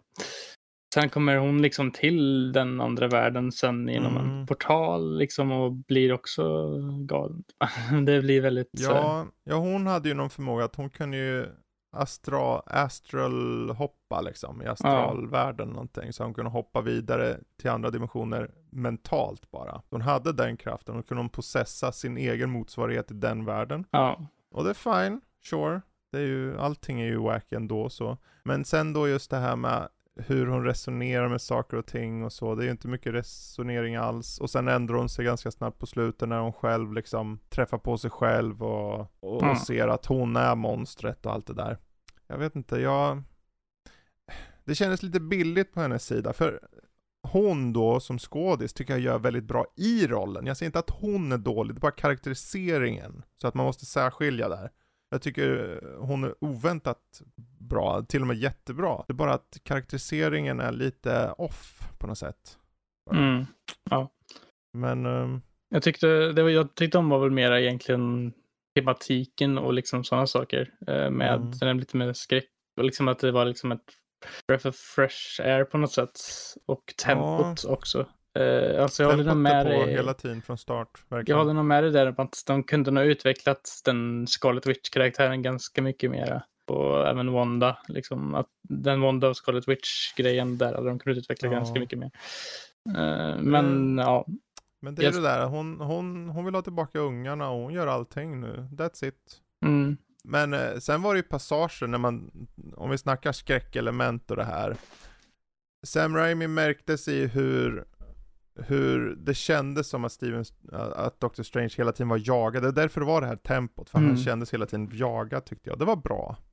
Eh, och då kunde ju regissören använda sina klassiska knep. Han får ju med sin gamla bil också såklart. Den är ju med alla hans filmer hängandes i luften någonstans. Ehm, och såklart Bruce Campbell i en liten roll mm, där, där han, för att spoila också där såklart, nu spoilar vi allt, att hans hand blir possessad typ. ja. Han är, det här kan berätta för, eh, spoiler totalt för dig Matte nu. Men de, de kommer till ett alternativt universum, var på de eh, liksom, åh, här har vi så här pizza, vad är det, pizzabollar eller någonting. Pizza, eh, typ boll Pizzabollar. Ja. Eh, som de bara, ja men det är gratis i den här världen. Ja, mat brukar vara gratis i alla världar, säger Ch- Chavez som är en universumhoppare. Eh, och då säger den där som säljer, eller ger ut korvarna, ja, men, eller pizzabollarna, ja men ni måste, jag vill ha pengar för det här. Och det är Bruce Campbell. Och då, ja men vad, vad då? Beta, bet, behöver vi inte betala an, på, överallt annars sådär? Och han blir lite så här, han blir lite douchebag, han är lite douchebagig så, eh, Bruce Campbells karaktär. Så att Doctor Strange säger, gör en, ma, eh, så en magisk grej på honom som gör att han, ja men nu måste, du börjar slå dig själv. Så han börjar slå sig själv så här, tonk, tonk, tonk, tonk med sin, sin hand då. Ehm, och det är ju så tydligt en, eh, en hommage till eh, Evil Dead, där hans hand blir possessed. Eh, men han, han såg inte av handen här i alla fall. Det är bara en kul liten så här, den sista liksom, den sista end credit scenen Där liksom efter all text, och det är tillbaka på honom. Det har gått typ, det, en vecka eller något, eh, Mm. det har gått x antal tid, och hans hand slutar slå han. Han tittar rakt in i kameran och säger 'It's over' och så slutar filmen. Väldigt Bruce Campbell var han. Han eh, älskar Bruce Campbell. Men det, och det är en sån liten bit, men jag tycker om det. Ehm, men det är för att jag gillar ju, jag, jag tycker det är ju det här, jag tycker jättemycket om Sam Raimis filmer överlag så. Jag är jättemycket för honom. Det är bara för i det här sammanhanget, jag vet inte om det är manuset eller om det är hans, för hans regi på vissa sätt fann jag så här, han behövde ta itu med karaktärer lite mer, fylla upp de här varianterna på Doctor Strange, varianten på Wanda och så, eh, och framförallt Illuminati och det här, det kändes så förhastat. Det Ja, kändes sen som att det inte var allt möjligt liksom. De tar ju Ja, med typ allting. Där skulle det ju varit med mer. Det är ju uppenbarligen någon som har gjort Ultron i det här universumet, men det har de klippt tror jag. Det Ja. är där som det ryktades vara eh, spelat av Tom Cruise som Warmonger eller någonting. Ehm, Sen hade de ju också Ryan Reynolds i mm, rolllistan ett tag innan de tog bort det. ja, han ska ju också varit klippt. Men just det här att de hade med Charles Xavier, han fick lite extra, men även där kändes lite billigt. Det var en kul grej mest, men om du ska ha en kul grej, gör det lite mer fylligt då. Mm. Captain, Ja. så här Rambeau, Captain Marvel, fast det var hon, Maria Rambeau i det här universumet. Captain Marvel är ju en av de starkaste i hela universum, så hon borde ju logiskt sett vara även det här i och med att de, hon var med och dödade Thanos. Men hon fick en stor staty på sig och dog. Ja, med en gång nästan. Eh, Peggy Carter gick av på mitten av sin egen sköld. Men man fick inte se det för att det är PG-13, så du får ju aldrig se någonting egentligen. Du fick ju se när Black Bolts huvud sprängdes typ, inifrån. Men det var inte så mycket blod så, men Ja, det är ju bara 11-årsgräns här på den här filmen i Sverige. ja. Så det är ju, de hade ju inte riktigt liksom friheten att göra hur mycket som helst. Men det är det där, det är därför jag sa förut att det är element av skräck, för det är absolut inte en skräckfilm. Nej. Han väver alltid in sin klassiska humor i det. Ehm, men Benedict Cumberbatch, han var spot on, han är bra, men det här tredje ögat, vad är det? Okej, fine. Ehm, Just det, just, ja, det tredje ögat, det var väldigt så, va? Liksom. Varför har ni med det här nu? ja, för jag antar, det vill jag, an- i och med att den här andra Doctor Strange hade tredje öga, och han Ja. hade ju fördärvats typ, men han hade inte svarta fingertoppar som man får av Darkhold, så det är inconsistent så. Eller är Ja. det där? Jag, jag vet inte, jag tycker det kändes lite så här off på vissa platser i manus, det kändes som att regin Mm. borde ha tajtats till. Men överlag som sagt, eh, en bra rulle. Mm.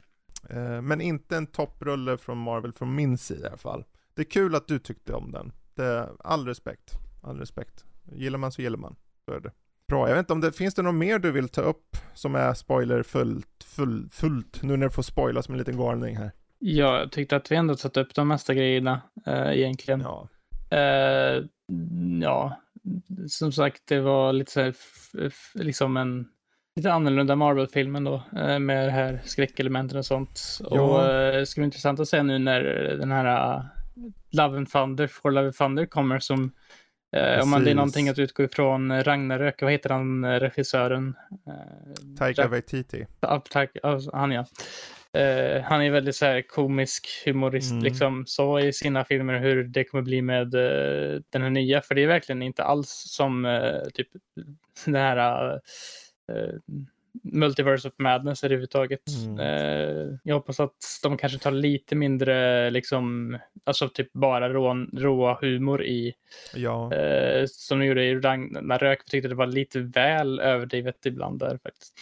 Eh, ja. Ja, alltså han är ju både nedtonad och överdriven samtidigt. Ja. Det är en udda kombo. Men det, eh, jag, jag ser också fram, den här Love and, eh, fram emot Love and Thunder just för att Taika Waititi gör den. Och jag tror det som du var inne på varför du tyckte om den här, just att den här kändes lite, eh, lite annorlunda. Så.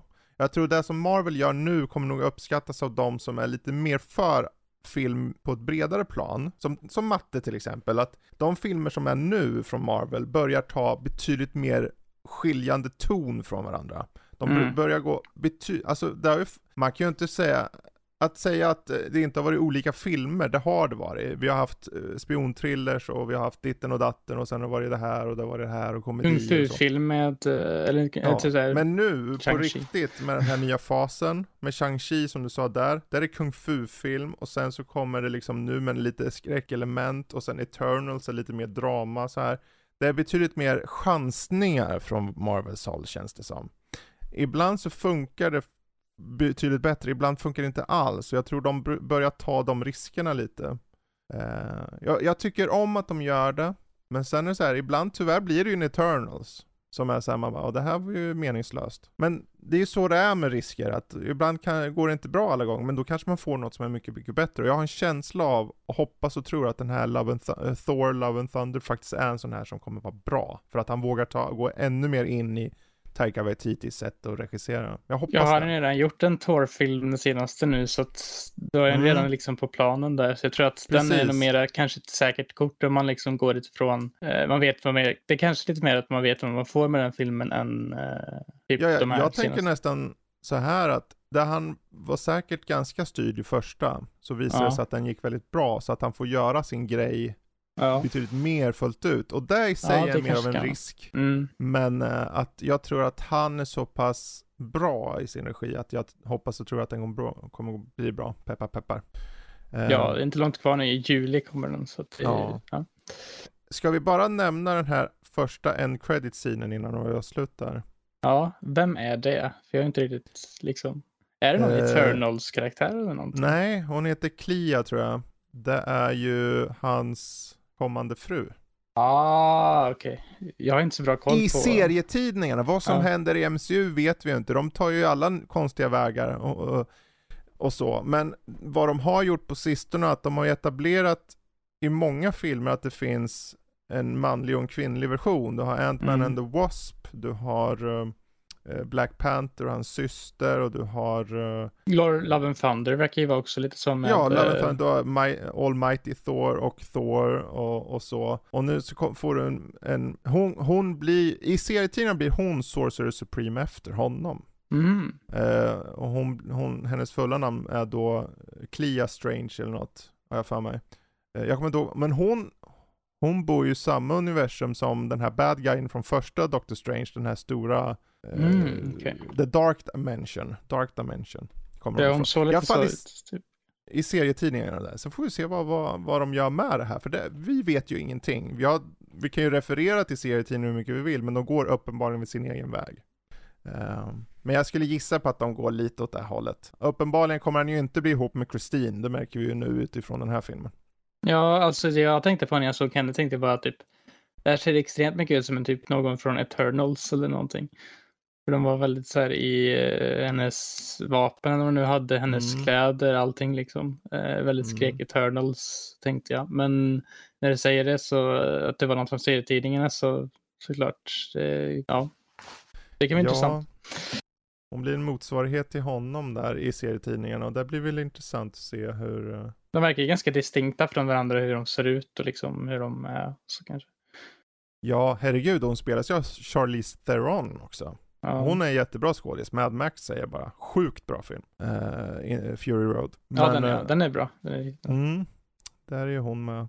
Men eh, ja, jag tror inte vi behöver spoila så mycket mer. Ni, eh, ni som fortfarande lyssnar, eh, ni vet ju allt det där för ni har ju redan sett den. Förhoppningsvis. Men det är kul. Ja, herregud. Eh, det hoppas jag också. Men eh, bra. Då så. Nu ska vi på riktigt runda av. Så att Matte får hoppa i säng till slut och den där gråtande japanen kan sluta gråta. Jag är glad för erans skull. Mhm. Ja. Bra, men eh, då tackar jag för mig. Jag tackar Jesper och jag tackar Matte. Får ni säga hej då? Och jag tackar Fredrik. Jag tackar er båda. Hej då! Ha det bra. Hej hej.